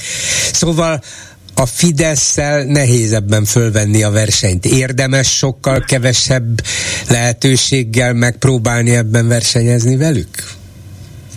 Nem a fidesz kell versenyezni, ha azt gondolom, hogy elvinni az igazságot, akkor akár emberről emberre menve, ha csak egy embert győzünk meg arról, hogy, hogy mi történik ebben az országban, és miért hazudik neki a propaganda, akkor már megérte. Én azt gondolom, hogy nem minden a pénz, persze erőből is át lehet szólni sok mindent, alapvetően a meghökkentő, az újdonság ható, az, az, az, az sokkal több embert ér el, mint akár egy szakát.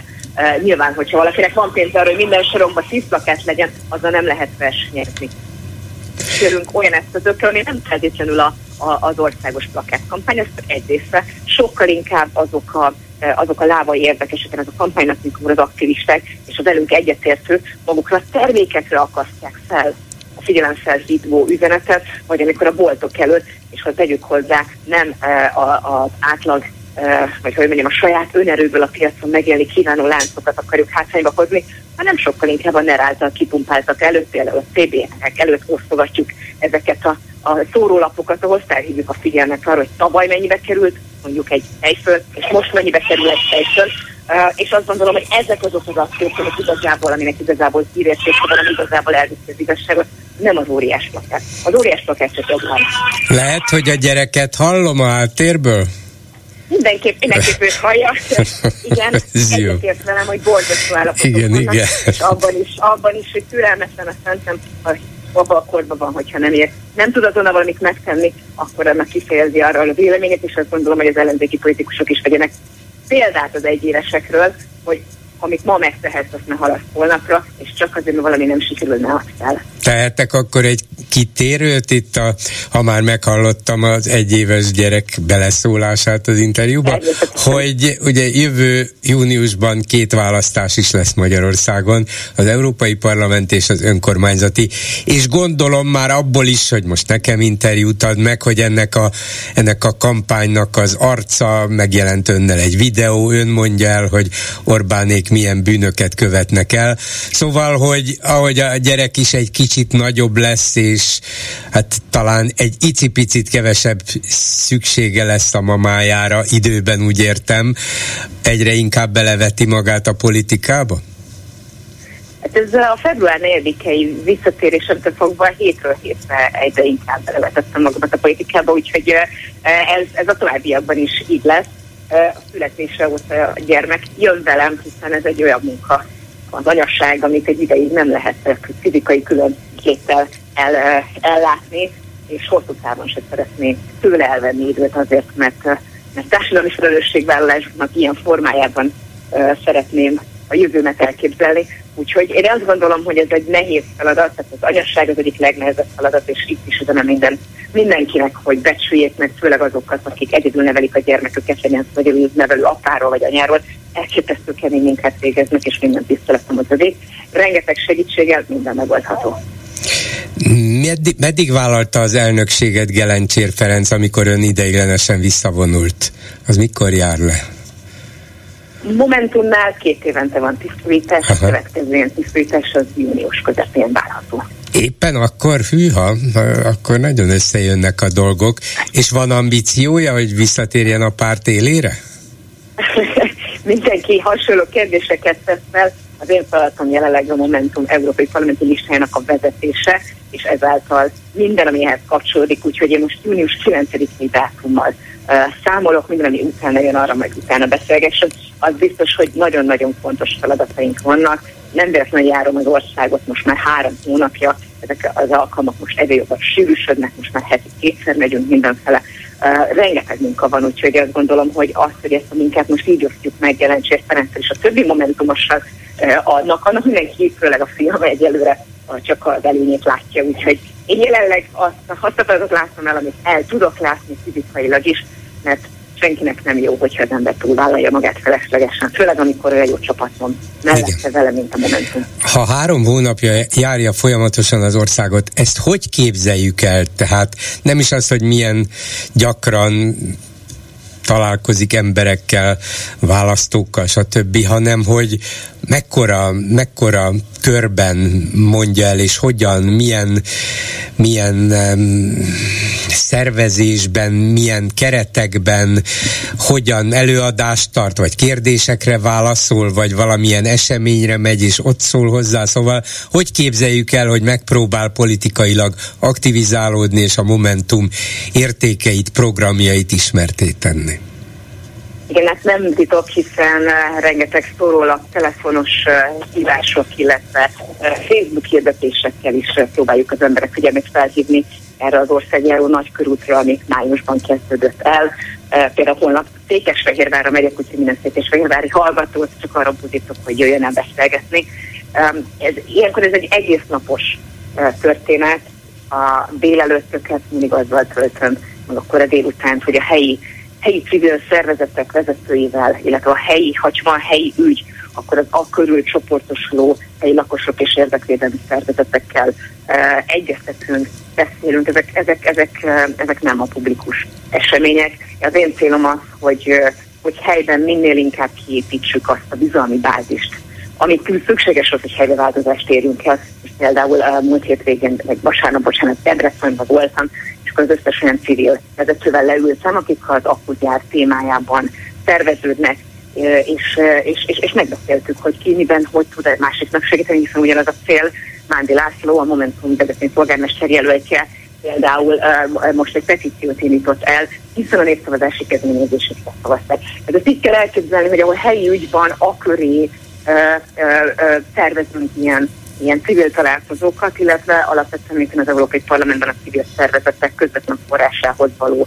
um, hozzáférés, illetve annak a keresztülszenek a megnöveléséért én vagyok az egyik felelős, ezért uh, ezeket az információkat is helybe viszem, segítek a civil szervezeteknek, hogyan tudnak ilyen európai eszközökkel élni, ez nekem egy szívügyem. És akkor utána kora este van egy mindig egy nagy fórum, amit uh, meg szoktam nyitni, helyi politikusunk beszél még, nagyon rövid két-három-négy-öt perces beszédek, és utána van egy, egy kerekasztalunk, amit Kele János barátom, elnökségi tagunk uh, uh, szokott moderálni, de ez is egy 20 perces blokk, és utána egy másfél órán keresztül van egy, egy, egy, egy fórum rész, hogy bárki elmondhatja a véleményét, a gondolatait, a kritikáját, sőt, erre díszítok mindenkit, hiszen nekünk az a célunk, hogy egy közös megértésünk, hogy mi a ma legnagyobb problémái, és mi a jövő megoldása erre, és mi szeretnénk az ilyen találkozásokon keresztül elnyerni a választók bizalmát, hiszen a bizalmat nem osztogatják, és, és nem bemondásra történik, nem attól nő szerintem egy, par, egy, egy, egy ellenzéki párt, hogy, hogy, hogy az emberek egyre nagyobb bizalmat szavaznak neki ezt a munkát. Ez nem lehet más. Tényleg... szólnak ezek az országjelek. Igen, nem akarom tényleg túl sokáig fenntartani, mert látom a gyerek azért megköveteli a figyelmet, de van olyan benyomása, hogy a Momentum esetleg lemaradt a DK-val, hát nem vívott harc, ez túl erős, de mégis a népszerűségért, a választók megnyerésért folytatott küzdelemben, mert minden felmérés rendre azt mutatja ki, hogy a legnagyobb, bár nem elég nagy ellenzéki párt a DK, és a Momentum jó nagy ráhagyással követi. Tehát van, vagy volna még behozni valójuk. Nyilván mindenki ezt emeli ki a kutatásokból, ami az ő szívének a legkedvesebb. Én arra az aspektusára hívnám fel a figyelmet, hogy a Momentum szépen, de biztosan, folyamatosan nő hónapról hónapra. És ez a növekedés, ez nem egyszerűen uh, kommunikációs uh, erődemonstrációknak az eredménye, hanem konkrét helyi munkáknak. Ezt mindig is mondtuk, hogy ez a fajta helyi munka, helyi politika, ez nem egyik a másikra fog eredményt okozni, de enélkül soha nem lesz meg az a társadalmi támogatottságunk, amire szükség van. Én nem arra szeretnék politikát építeni, hogy az ellenzéki, a már fix ellenzéki szavazók egyik vagy másikára át tudom egy csábítani a többi pártól, hanem az én feladatom az, hogy eljussak azokhoz, akik tényleg kiebrendultak már a politikában. Ez nem egyenlő a kiebrendult fideszesekkel, összen a tévesztők szerintem ez egy teljesen más kategória. Nagyon sokan vannak, akik rendszerellenzékiek, rendszerellenesek, nem érzik jól magukat ebbe a politikai környezetbe, csak más senkibe sem bíznak, meg azt gondolják, hogy nekik jobb, ha nem foglalkoznak a politikával. Hozzájuk kell nekünk eljutni. Ez egy sokkal-sokkal lassúbb munka, nem is annyira izgalmas, nem lehet bemondani több ezres számokat, de hosszú távon valódi értéket itt tudunk teremteni, és valódi eredményt itt tudunk elérni. Úgyhogy engem nem zavar a lassú növekedés, eh, mert ez azt jelenti, hogy jól csináljuk. Hát akkor legyen a gyerekre is ideje és figyelme, meg a, meg a politikai munkára is. Köszönöm Donát Annának is. Én köszönöm. Én köszönöm legközelebb, ha... És ő is csak elmondta a véleményt. Igen, ha legközelebb, ha, ha, ha beszélni tud, akkor majd legközelebb ő is nyilatkozzon, jó? Azon vagyunk, azon vagyunk, hogy minden hamarabb tényleg artikulálhassa is a véleményét. De sok sikert kíván mindenkinek. Köszönöm szépen, viszont hallásra. Köszönjük, viszont hallásra. Háló, jó napot kívánok! Jó napot kívánok, Eldi János vagyok. Parancsoljon! Két rövid dolgot szeretnék hozzátenni a műsorhoz. Az egyik az a Szijjártónak a minapi Bécsi ö, utazásával kapcsolatos adalék. Az osztrák sajtóban megjelent egy fénykép, hogy az ENSZ közgyűlésen Ander Bellen, aki ugye az osztrák államfő, az a New Yorki metrón utazott a közgyűlésre. Komolyan? Igen, hát mondjuk indoként azt hozta föl, hogy óriási közlekedési káosz van, így sokkal kényelmesebben lehet eljutni, de hát azért mindenképpen mutatja azt, hogy ott hogy gondolkoznak arról, hogy milyen erőforrást hogyan kell a közpénzből finanszírozva ö, felhasználni. Ez az egyik, amit el szerettem volna mondani. A másik a nyugdíjemeléssel kapcsolatosan említette, hogy Orbán félhavi nyugdíj plusz ígért nekünk. Vettem a fáradtságot, és remélem, hogy nem rontottam el a számítást, mert mégis nem olyan bonyolult, hogy ahhoz, hogy félhavi nyugdíjat kapjon meg az ember visszamenőleg ugye 11 hónapra, ahhoz 4,5 százalékot kellene emelni. Valószínűleg igaza van, mert számoljunk az egyszerűség kedvéért 200 ezer forintos, picivel több állítólag, 200 ezer forintos átlagnyugdíjjal, ha ennek a 3,1 százalékát számoljuk, ugye valójában ennyivel emelnek, akkor ez ilyen 6 ezer, nem tudom hány száz forintos, tehát majd számoljunk megint csak 6 ezerrel, 11-szer 6 ezer az 66 ezer, de kerekítsünk egy kicsit feljebb 67 vagy 68, a fele az százezer volna, csak úgy üzenem Orbán Viktornak. Ez meg lesz 67-68 ezer az átlag vagyis hát nem a, nem a 200 ezer feléről van szó, hanem az egyharmadáról. Így van, így van. Ezt szerettem volna csak elmondani. Tehát 4,5 százalék ezt, amikor majd elkövetkezik az igazság órája, az, az óra alá lehetne dörgölni naponta 600-szor. De hát annyi ilyen, annyi ilyen igazságot kellene, lehetne, sőt, nem is csak mondom, hogy kellene és lehetne, dörgölünk is az orra alá, mert, mert annyi minden valótlanságot mondanak ő is, mások is, szóval naponta többet. És vannak is, akik ezeket összegyűjtik, elmondják, személyre hányják, nem történik az égvilágon semmi. Nem mondják azt, hogy jaj, bocsánat, elszámoltuk. De hát így ennyi telik, vagy sok mindent lehetne mondani. Eleve nem kéne eltúlozni a valóságot, vagy a kvázi jó hírt, vagy kötelező jó hírt, mert ugye ez törvényi kötelezettség. És még sincs hatása.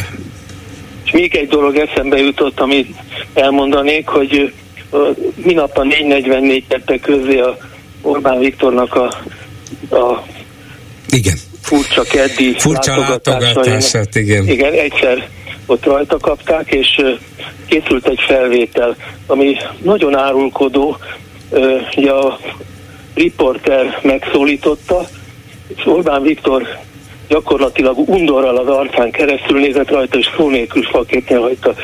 Tehát az a minimális udvariasság szerintem egy kormányfő és az újságíró között is kötelező, hogy azt mondja, hogy mondjuk jó napot kell, bocsánat, most nem érek rá, vagy valami hasonló. Igen, igen. De ez, ahogy ő viselkedett, ez mindent elárul arról, hogy mit gondol ő a úgymond alattvalóiról.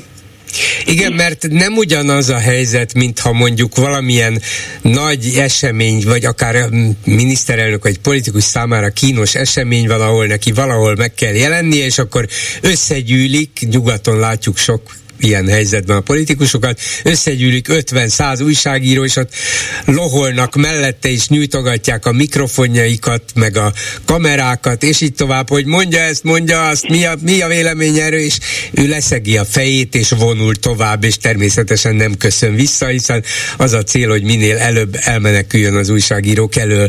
De ez nem ez a helyzet, itt egy ember nem agresszívan, nem támadóan, csak kérdezett tőle valamit. És tényleg úgy ignorálta, mintha levegő lett volna.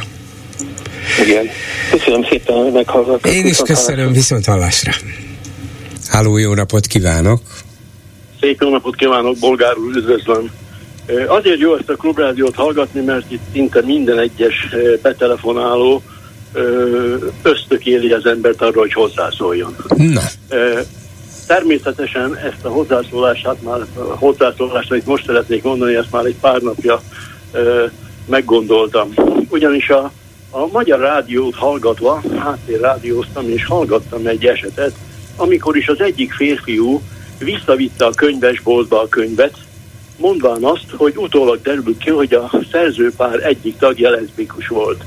Márpedig ez a könyvesboltban nem volt lefóliázva.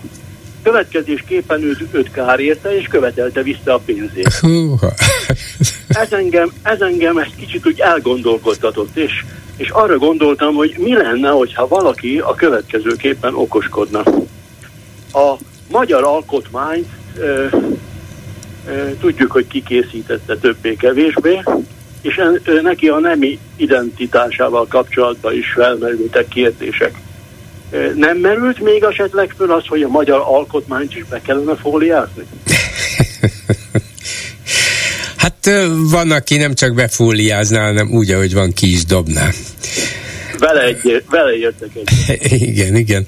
De hát tényleg abszurdum, hogy az emberek mire vetemednek. Azt nem tudom, hogy nem viccből, de nem, hát nyilván, ha ez a Kossuth Rádióban hangzott el, akkor az illető is komolyan gondolta, a rádió pedig még komolyabban, hogy tényleg micsoda dolog, hogy próbálják itt kijátszani a szerencsétlen embereket, akiknek nincs tudomásuk róla, de valaki legalább felfedezte, hogy az illető leszbikus. Ugye a, még a magyar, az inkriminált magyar törvények sem azt mondják, hogy azokat a könyveket kell befóliázni, amelyeknek a szerzője esetleg homoszexuális, és így tovább, mert az abszolút, ahhoz még a magyar törvények szerint is joga van, hanem hogyha az fiataloknak szóló könyv, és olyan tartalom van benne. De hogy felnőttként az illető micsoda, vagy mi nem, azt nem tartozik senkire. Teljesen igaza van. A másik pedig, amiért eh, gondoltam, hogy betelefonálok, ugye az, hogy én nagyon örülök annak, hogy a Hidvégi Balázs is, meg az európai parlamenti képviselői és a Fidesznek kiegészülve a Navracsis csapattal eh, tonna számra hozzák haza az európai pénzeket Magyarországnak, és akkor emellett még ilyenre is van ideje a Hidvégi Balázsnak. Szóval ennek külön örültem, és ezért telefonáltam, elnézését kérem. Igen, hát sajnos ez a része nem, nem vált be a se Navracsicsnak, se másnak, se Hidvéginek, de hát tudja, hogy ki a bűnös, hát a, a magyar baloldal, igen. ők akadályozzák igen. meg. Igen, Már rég igen, jött igen, volna, igen, ne, igen. nagyon tetszett tegnap Rétvári Bence nyilatkozott oh, az ATV-ben. és hát hogy... Igen. volt.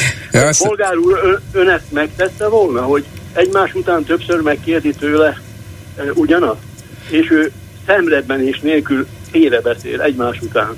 Többször. Igen, nyilván vannak különböző kérdezési technikák, és itt Szőlősi Györgyi azért elég keményen próbált visszakérdezni, akár többször ugyanazt, de másfelől meg hát az embernek eszébe jut, főleg kívülről nézve, hogy még egy-két dolgot máshogy is meg lehetett volna közelíteni, hogy, hogy talán másfajta válaszokat csikarjon ki belőle. Ugye nem lehet tudni, hogy mi a célra vezető, mert annyi menekülési útvonalat dolgoznak ők ki maguknak, hogy valószínűleg mindegyikre van megoldásuk, de ugye Rétvári előjött az a, hát micsoda nevetséges dolog, hogy most az Európai Bizottság azt akarja, hogy az országos bírói tanácsnak legyen több irodája, hogy ehhez kötik, ilyen feltételhez kötik, meg hogy a kúria ügyviteli rendjét módosítsuk, hogy egy külső szakértő is belenézhesse. Hát ha ez ilyen nevetséges, Rétvári úr, akkor ezt egy perc alatt meg lehet oldani. Ugye nem múlhat azon több milliárd euró, hogy nem adnak még öt irodát az országos bírói tanácsnak, föl vannak háborodva ezen, adjanak nekik. Holnap után megvan, kész, tessék itt a válasz, nem? Na de egy ilyet ő elengedhet magának a nagy nyilvánosság hát előtt, igen, akkor, ez a... amikor a Führer a parlamentbe azt mondja, hogy miért maguk kitől félnek, hogy a pedagógusok lopják el a pénzt. Igen. Ezt kérdezte. Igen. Ezt kérdezte meg, ott jegyzőkönyvben mondta a dolgokat. Hát fantasztikus. Ne haragudjon bolgáról. De hogy. Kikapcsolódásért gondoltam. De hogy haragszom, nagyon jól tette. Köszönöm szépen. Köszönöm szépen. Viszont hallásra, minden jót. Viszont hallásra közben 74 millió 467 ezer forintra nőtt a számlánkra érkezett összeg. Igen, igen, igen, igen, igen, nagyon jó, köszönjük szépen. És egy hallgató, egy betelefonáló a vonalban. Jó napot kívánok! Halló? Igen, nem tetszik Jaj, hallani engem? Nagyon halkan hallom. Ajjaj, ajjaj, van néha, hogy ilyen kapcsolatok vannak, hogy alig hallja el az én hangomat, Igen, de... Na, megpróbálom azért. Jó, Szóval az első, azt hiszem az első hozzászóló az a Hidvégi Balázs volt, ugye? Igen. Igen. Na most ő arról beszélt, hogy sértődötten, ugye, vagy elmagyarázta nekünk, hogy az Európai Unió az a sokféleségről, meg a, a, a, a, több, a sokféleségnek, a, a, a, a színességnek az értékéről beszél, de közben pedig nem fogadja el, és nem tartja be ezt az alapelvet.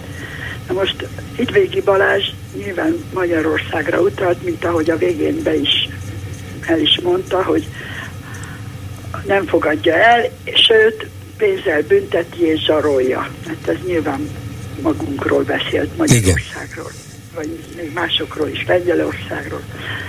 Most szeretném, hogyha Hidvégi Balázs megérteni, hogy vagy mellé beszél, vagy pedig fogalomlavarai vannak. Az Európai Unió a különbözőségen és a sokszínűségen, amit ért, az benne van az alapszerződésben. Abban lehet különbözőknek lenni, az, az alapszerződésben van olyan, amiben egységesnek kell lenni, és különbözőknek lehet lenni abba, ahogy a tagállamok különböző pártcsoportokat alkotnak, függetlenek is lehetnek az Unióban. Ez a különbözőség. De a, de a, ami a Magyarországot illeti az Európai Unióval kapcsolatban, az nem ez a fajta sokszínűség, meg különbözőség, hanem ez szerződésszegés. Magyarország megszegi az alapszerződésben a jogállamisági kritériumokat. Úgyhogy ne beszéljen itt különbözőségről, amit az Európai Unió nem fogad el, meg zsarol, meg pénzzel büntet, hanem alapszerződés szerint szerződés szegő Magyarország. Márpedig a szerződés szegőket a világon mindenütt valamilyen formában büntetik. Egyetértek önnel, csak hát mindig ugye ezerféle de, variáció. De, de, ki kell őket javítani. Igen, Kedves jó. Hétvégi úr, Magyarország szerződést szed. Nem, nem azért van az, a, a büntetés és a szankció Magyarország ellen, mert különböző, hanem azért, mert szerződést szed. Nyugodtan lehet különböző, hogyha betartja azt, ami az alapszerződésben van. Akkor viszonyulhat másképp a mezőgazdasághoz, meg a mit tudom én, a migrá- mindenféle problémához. Igen, igen. Tudja, az a probléma ezzel, hogy egyetértek önnel persze alapvetően, hogy amikor azt mondják, hogy a magyar igazságszolgáltatás függetlenségét csorbítják, akkor az részleteiben nincs szabályozva az Európai Unió alapszerződésében, hogy a magyar igazságszolgáltatás hogy épüljön föl, hogy ne legyen-e országos bírói tanács, vagy ne legyen. Polgári, bocsánat, Nem, í- így nincs. Mert, de, mert benne van, hogy ezeket a, hogy az unió demokratikus államok alkotják. Márpedig a demokratikus államoknak nem kell elmagyarázni, minden, mindegyikük tudja, csak a magyarországiak nem értik. Hát nem csak ők másképp értelmezik a demokráciát. Azt Ha mondják, hogy hát miért? nem lehet másképp értelmezni. Demokráciában nem lehetne úgy értelmezni a jogállamiság megsértését, hogy az akkor ott, vagy, ott vagyunk, ahogy a Hitler, meg ahogy a Put- Putyin működik. Igen, mondom, alapvetően egyetértünk, csak azt mondom, hogy azok a konkrétumok, amiket például az Európai Bizottság, meg utána az európai tagállamok kifogásoltak, felhoztak érvként, hogy ez bizony a független igazságszolgáltatás korlátozása, beavatkozás annak ügyeibe, azok tételesen, konkrétan nincsenek benne a szerződésben, csak azokat a lépéseket, amiket az Orbán kormány tett, ők így fogták fel. Helyesen, jól tették, mert ez valóban a független igazságszolgáltatás korlátozása. De ők meg azt mondják, dehogy is, hát ez, ez abszolút normális, mi így értelmezzük a Jó, hát demokráciát számít, és igazságszolgáltatást, ugye? Persze. Nem számít. Az számít, ami az alapszerződésben van, az, és az Európai Unió az szerint jár el, és minden demokratikus ország érti, hogy mi van az alapszerződésben, csak Magyarország érti másképp. Igen, igen, így van. Akkor csókolom. Hát igen, és sajnos nekünk csókolom, mert mi nem, kap, mi nem kapjuk a pénzt. Igen, igen, igen, így van. Nem különbözőségi probléma van meg, sokszínűségű meg, hogy nem fogadja el az Unió, Persze. hanem azt nem fogadja el, ami sérti az alapszerződést. Így van. Az alapszerződés az pedig a demokratikus országokat tartalmaz, vonatkozik. Diktatúrákra nem vonatkozik. Ott is van jogállam, csak az egy másik világ. Igen, és egy másik jog. Igen. volt jogállam. Így, így van. Ők alkották a jogot, senkinek alkották, nem volt beleszólása. Mert ők úgy, ők úgy értették a jogállamot. Így van. Jogos Köszönöm. német érdekeket értettek rajta, meg a Putyin is úgy érti. Pontosan. Meg a Köszönöm magyarok szépen. is úgy értették, amikor a zsidók törvényeket hozták, hogy, hogy ez jogállam. Persze, akkor is volt jog, akkor is volt Mindig törvény. jogállam, Hogyne, hogyne. Az a igen. jogállamot kell betartani, amit az Európai Unió alap. Na de tudja, erre az a szokásos vállam, hogy hát a vá- válasz a Fidesz részéről, hogy Hát még azt se tudják megfogalmazni konkrétan, és nincs arra Jó, definíció, hát, hogy mi a jogállam. Azt kérik rajtuk számon, hogy mi a jogállam, hát nem tudják ők maguk se. Úr, nem kell ezzel foglalkozni. Ja, ja, ja, ja, ez igaz, a, tudjuk mi, persze, Azt mondani, tudjuk. hogy megtetszenek sérteni a jogállami szerződést, aláírta, alá tetszettek írni, és nem tartátok be. Igen, ez így van. Köszönöm szépen, asszonyom. Viszont hallásra. Háló, jó napot kívánok. Jó napot kívánok! Hát ha nem említik meg ezt a rétvári ö, tegnapi ATV-s riportot, akkor esküszöm, hogy ö, ö, teljesen el is felejtem a dolgot, mert annyira természetes, hogy, hogy mit művelnek, és engem annyira föl tud idegesíteni, hogy 180 fokot fordulok, és, és megyek ki, és nem hallgatom, de egyszerűen, ha végignézi valaki azt, azt a, a műsort, azt az adást, egyszerűen egyetlen egy mondatban, fél mondatban nem tudott válaszolni, nem is akart válaszolni a kérdezőnek a kérdéseire. Igen, sajnos ez a, ez a gyakorlatuk, hogy a konkrét kérdéseket lehetőleg elkerülik, vagy másfajta konkrétumokat hoznak elő. És, és én annyira tisztelem ezt a nőt, hogy képes volt ho, ö, végigülni azt az egész ö, ö, műsort, azt az e, egész adást, és, és ö, nyugodtan kérdezett, kérdezett, és nem kapott választ. Iszonyú. Iszonyú. Igen, az a baj, hogy egy-egy ilyen interjúnál az ember tényleg felháborodik, meg azt mondja, hogy át nem is érdemes szóba állni ezekkel. Ugyanakkor az is egy zsákutca, hogy itt vagyunk rengeteg problémával, rengeteg disznósággal, és általában épp azokat nem lehet megkérdezni, mert nem állnak szóba független médiával, újságíróval, tőlük függetlennel úgy értem, nem állnak szóba, és nem hajlandók azokra a kérdésekre válaszolni, amelyek leginkább ér, érintik a közvéleményt, leginkább érdeklik, ezért aztán a független média általában az ellenzékieket meg szakértőket kérdezi, mert azok legalább elmondják, csak nem ők a felelősek a döntésekért. A felelősöket szinte soha nem lehet megkérdezni, amikor meg néha mégis sikerül, akkor meg így bújnak ki minden alól.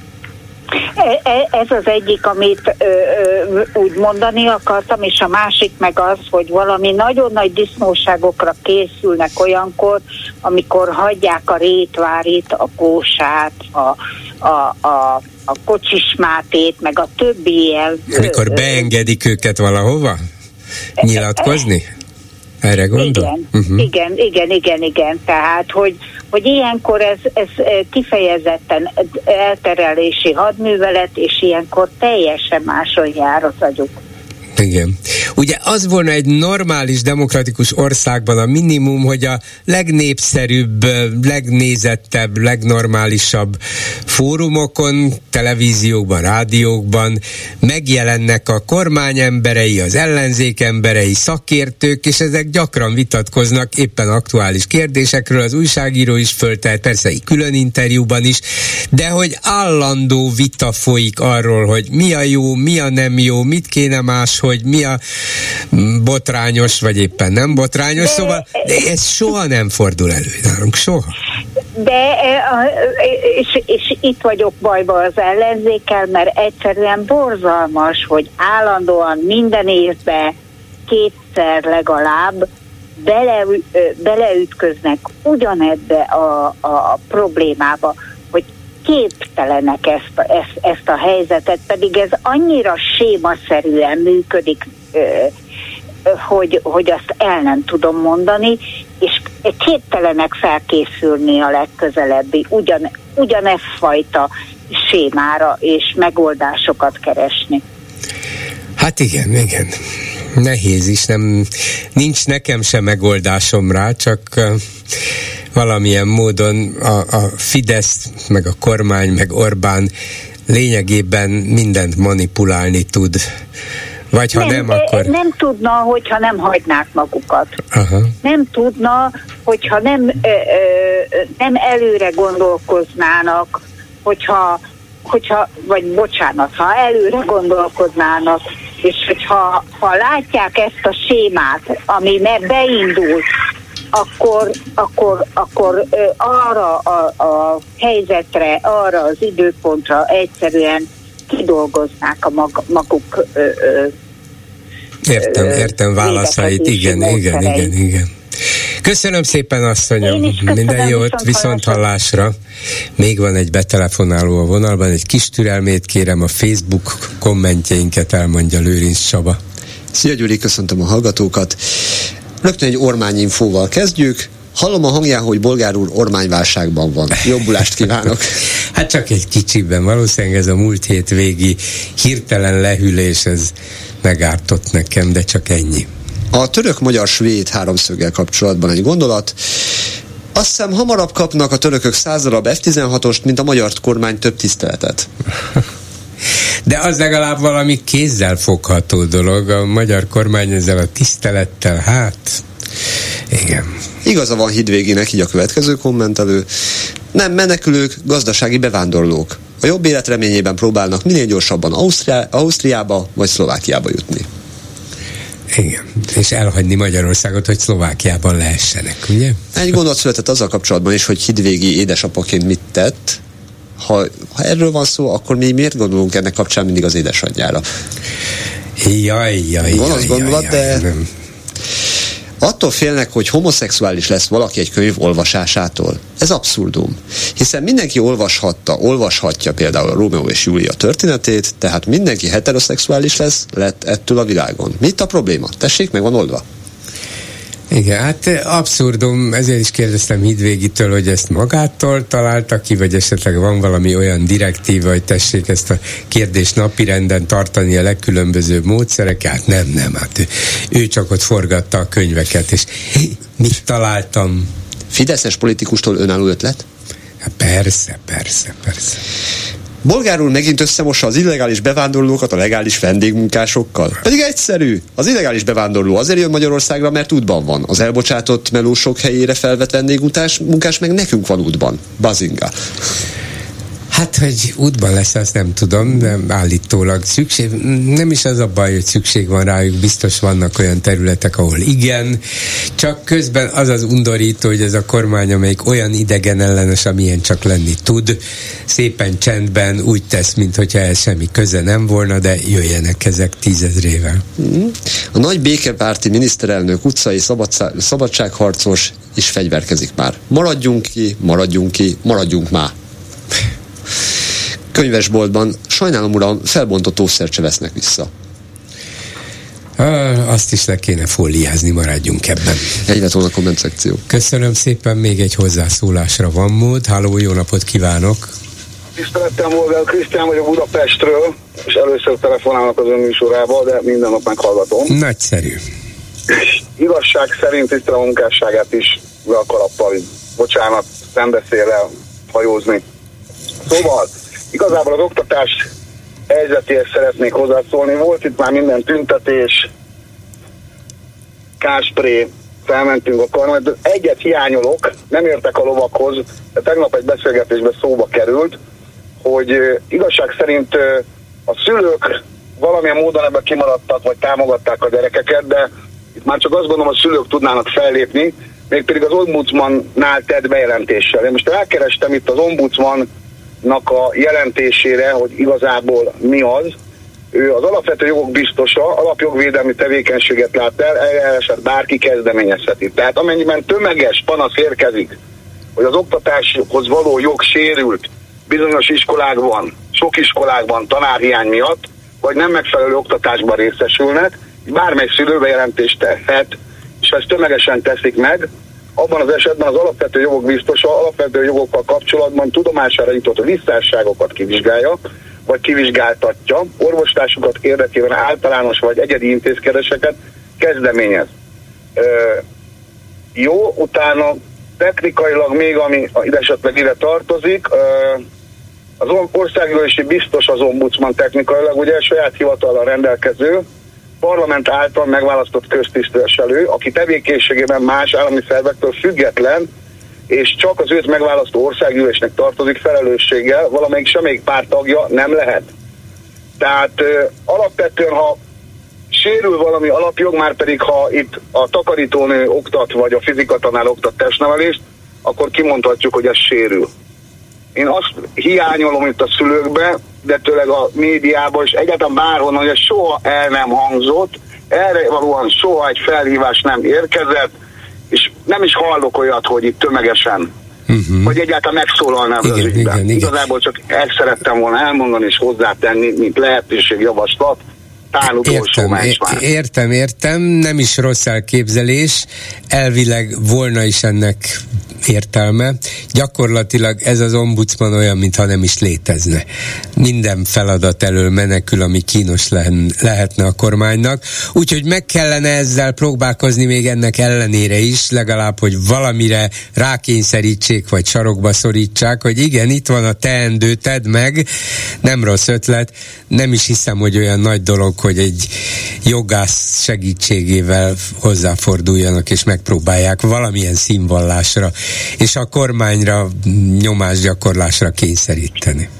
Szomorúan hallom. Ez, a, ez egy kapufa akkor lehet. Hát igen, igen. Korábban ennek volt értelme, de hát a Fidesz tett arról, hogy olyan ombudsman legyen, aki lényegében nincs. Értem. Hát. De megpróbálni akkor is meg kell. Mind a legapróbb dolgot is meg kell próbálni. Igaza van. Köszönöm szépen. Tiszteletem. Viszont hallásra. Ezzel a megbeszéljük mai műsora véget ért. Készítésében közreműködött Zsidai Péter, Lőrinc Saba, Erdei Tünde, Simon Erika és Kemény Dániel. Bolgár Györgyöt hallották. Viszont hallásra holnap. Most pedig jön az Esti Gyors. Esti Gyors. A hírek háttere.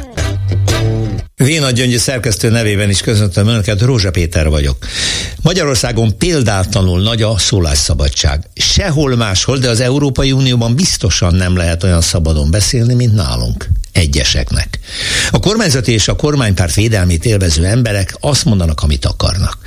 A pártszolgálati szerepben működő napilap például minden következmények nélkül pedofilnak nevezheti a homoszexuálisokat képviselő civil szervezetet, hiszen az ez ellen a bírósághoz forduló egyesület keresetét éppen ma utasította vissza a másodfok. Orbán nyugodtan mondhatja, hogy novemberben az átlagösszeg felével emelkednek a nyugdíjak, miközben még aznap kiszámolja a gazdasági lap szerkesztője, hogy az emelkedés csupán az átlag harmada lesz. Minden gátlás és következmény nélkül kereszténynek és keresztényvédőnek vallja magát pont naponta a miniszterelnök és környezetének minden tagja, miközben éppen a magyar kormány nem szavazza meg a keresztény örmények ellen indított katonai agressziót elítélő határozatot az Unióban. Igaz, ezzel tulajdonképpen csak azt a hagyományt követi, aminek keretében annó szabadon engedte az azeri baltás embert, aki katonatársát éppen annak keresztény mi volt, ami a tölte meg. Apropó szabadon engedés. A minden magyarázat nélkül a börtönből kiengedett külföldi állampolgárságú embercsempészek éppen ezekben a napokban szállítják szakmányban teljesen szabadon az illegális menekülteket a déli határunkról a magyar-szlovák koridorhoz. A migránsozó, a bevándorlóktól egész Európát megvédjük szlogent harsogó miniszterelnök éppen valamilyen sanda politikai szándéktól vezérelve tűri, hogy zavart és félelmet keltsenek a határsértők északi szomszédunknál, hogy az egyébként magyar ellenességéről elhíresült ám orosz barátságával Orbán lelki rokonának mutatkozó Robert Fico népszerűségét erősítse, néhány nappal a parlamenti választások előtt. Mondom, példátlanul nagy a szólásszabadsága nálunk. Jobb helyeken mindez persze hazudozásnak hívják, de hát tudjuk, ezek mind a mi nemzetünkre és szuverenitásunkra törnek. Már ha a nemzet alatt csak a NER világát értjük. Azt viszont valóban jó lenne már végre eltörölni. Esti gyors, a hírek háttere.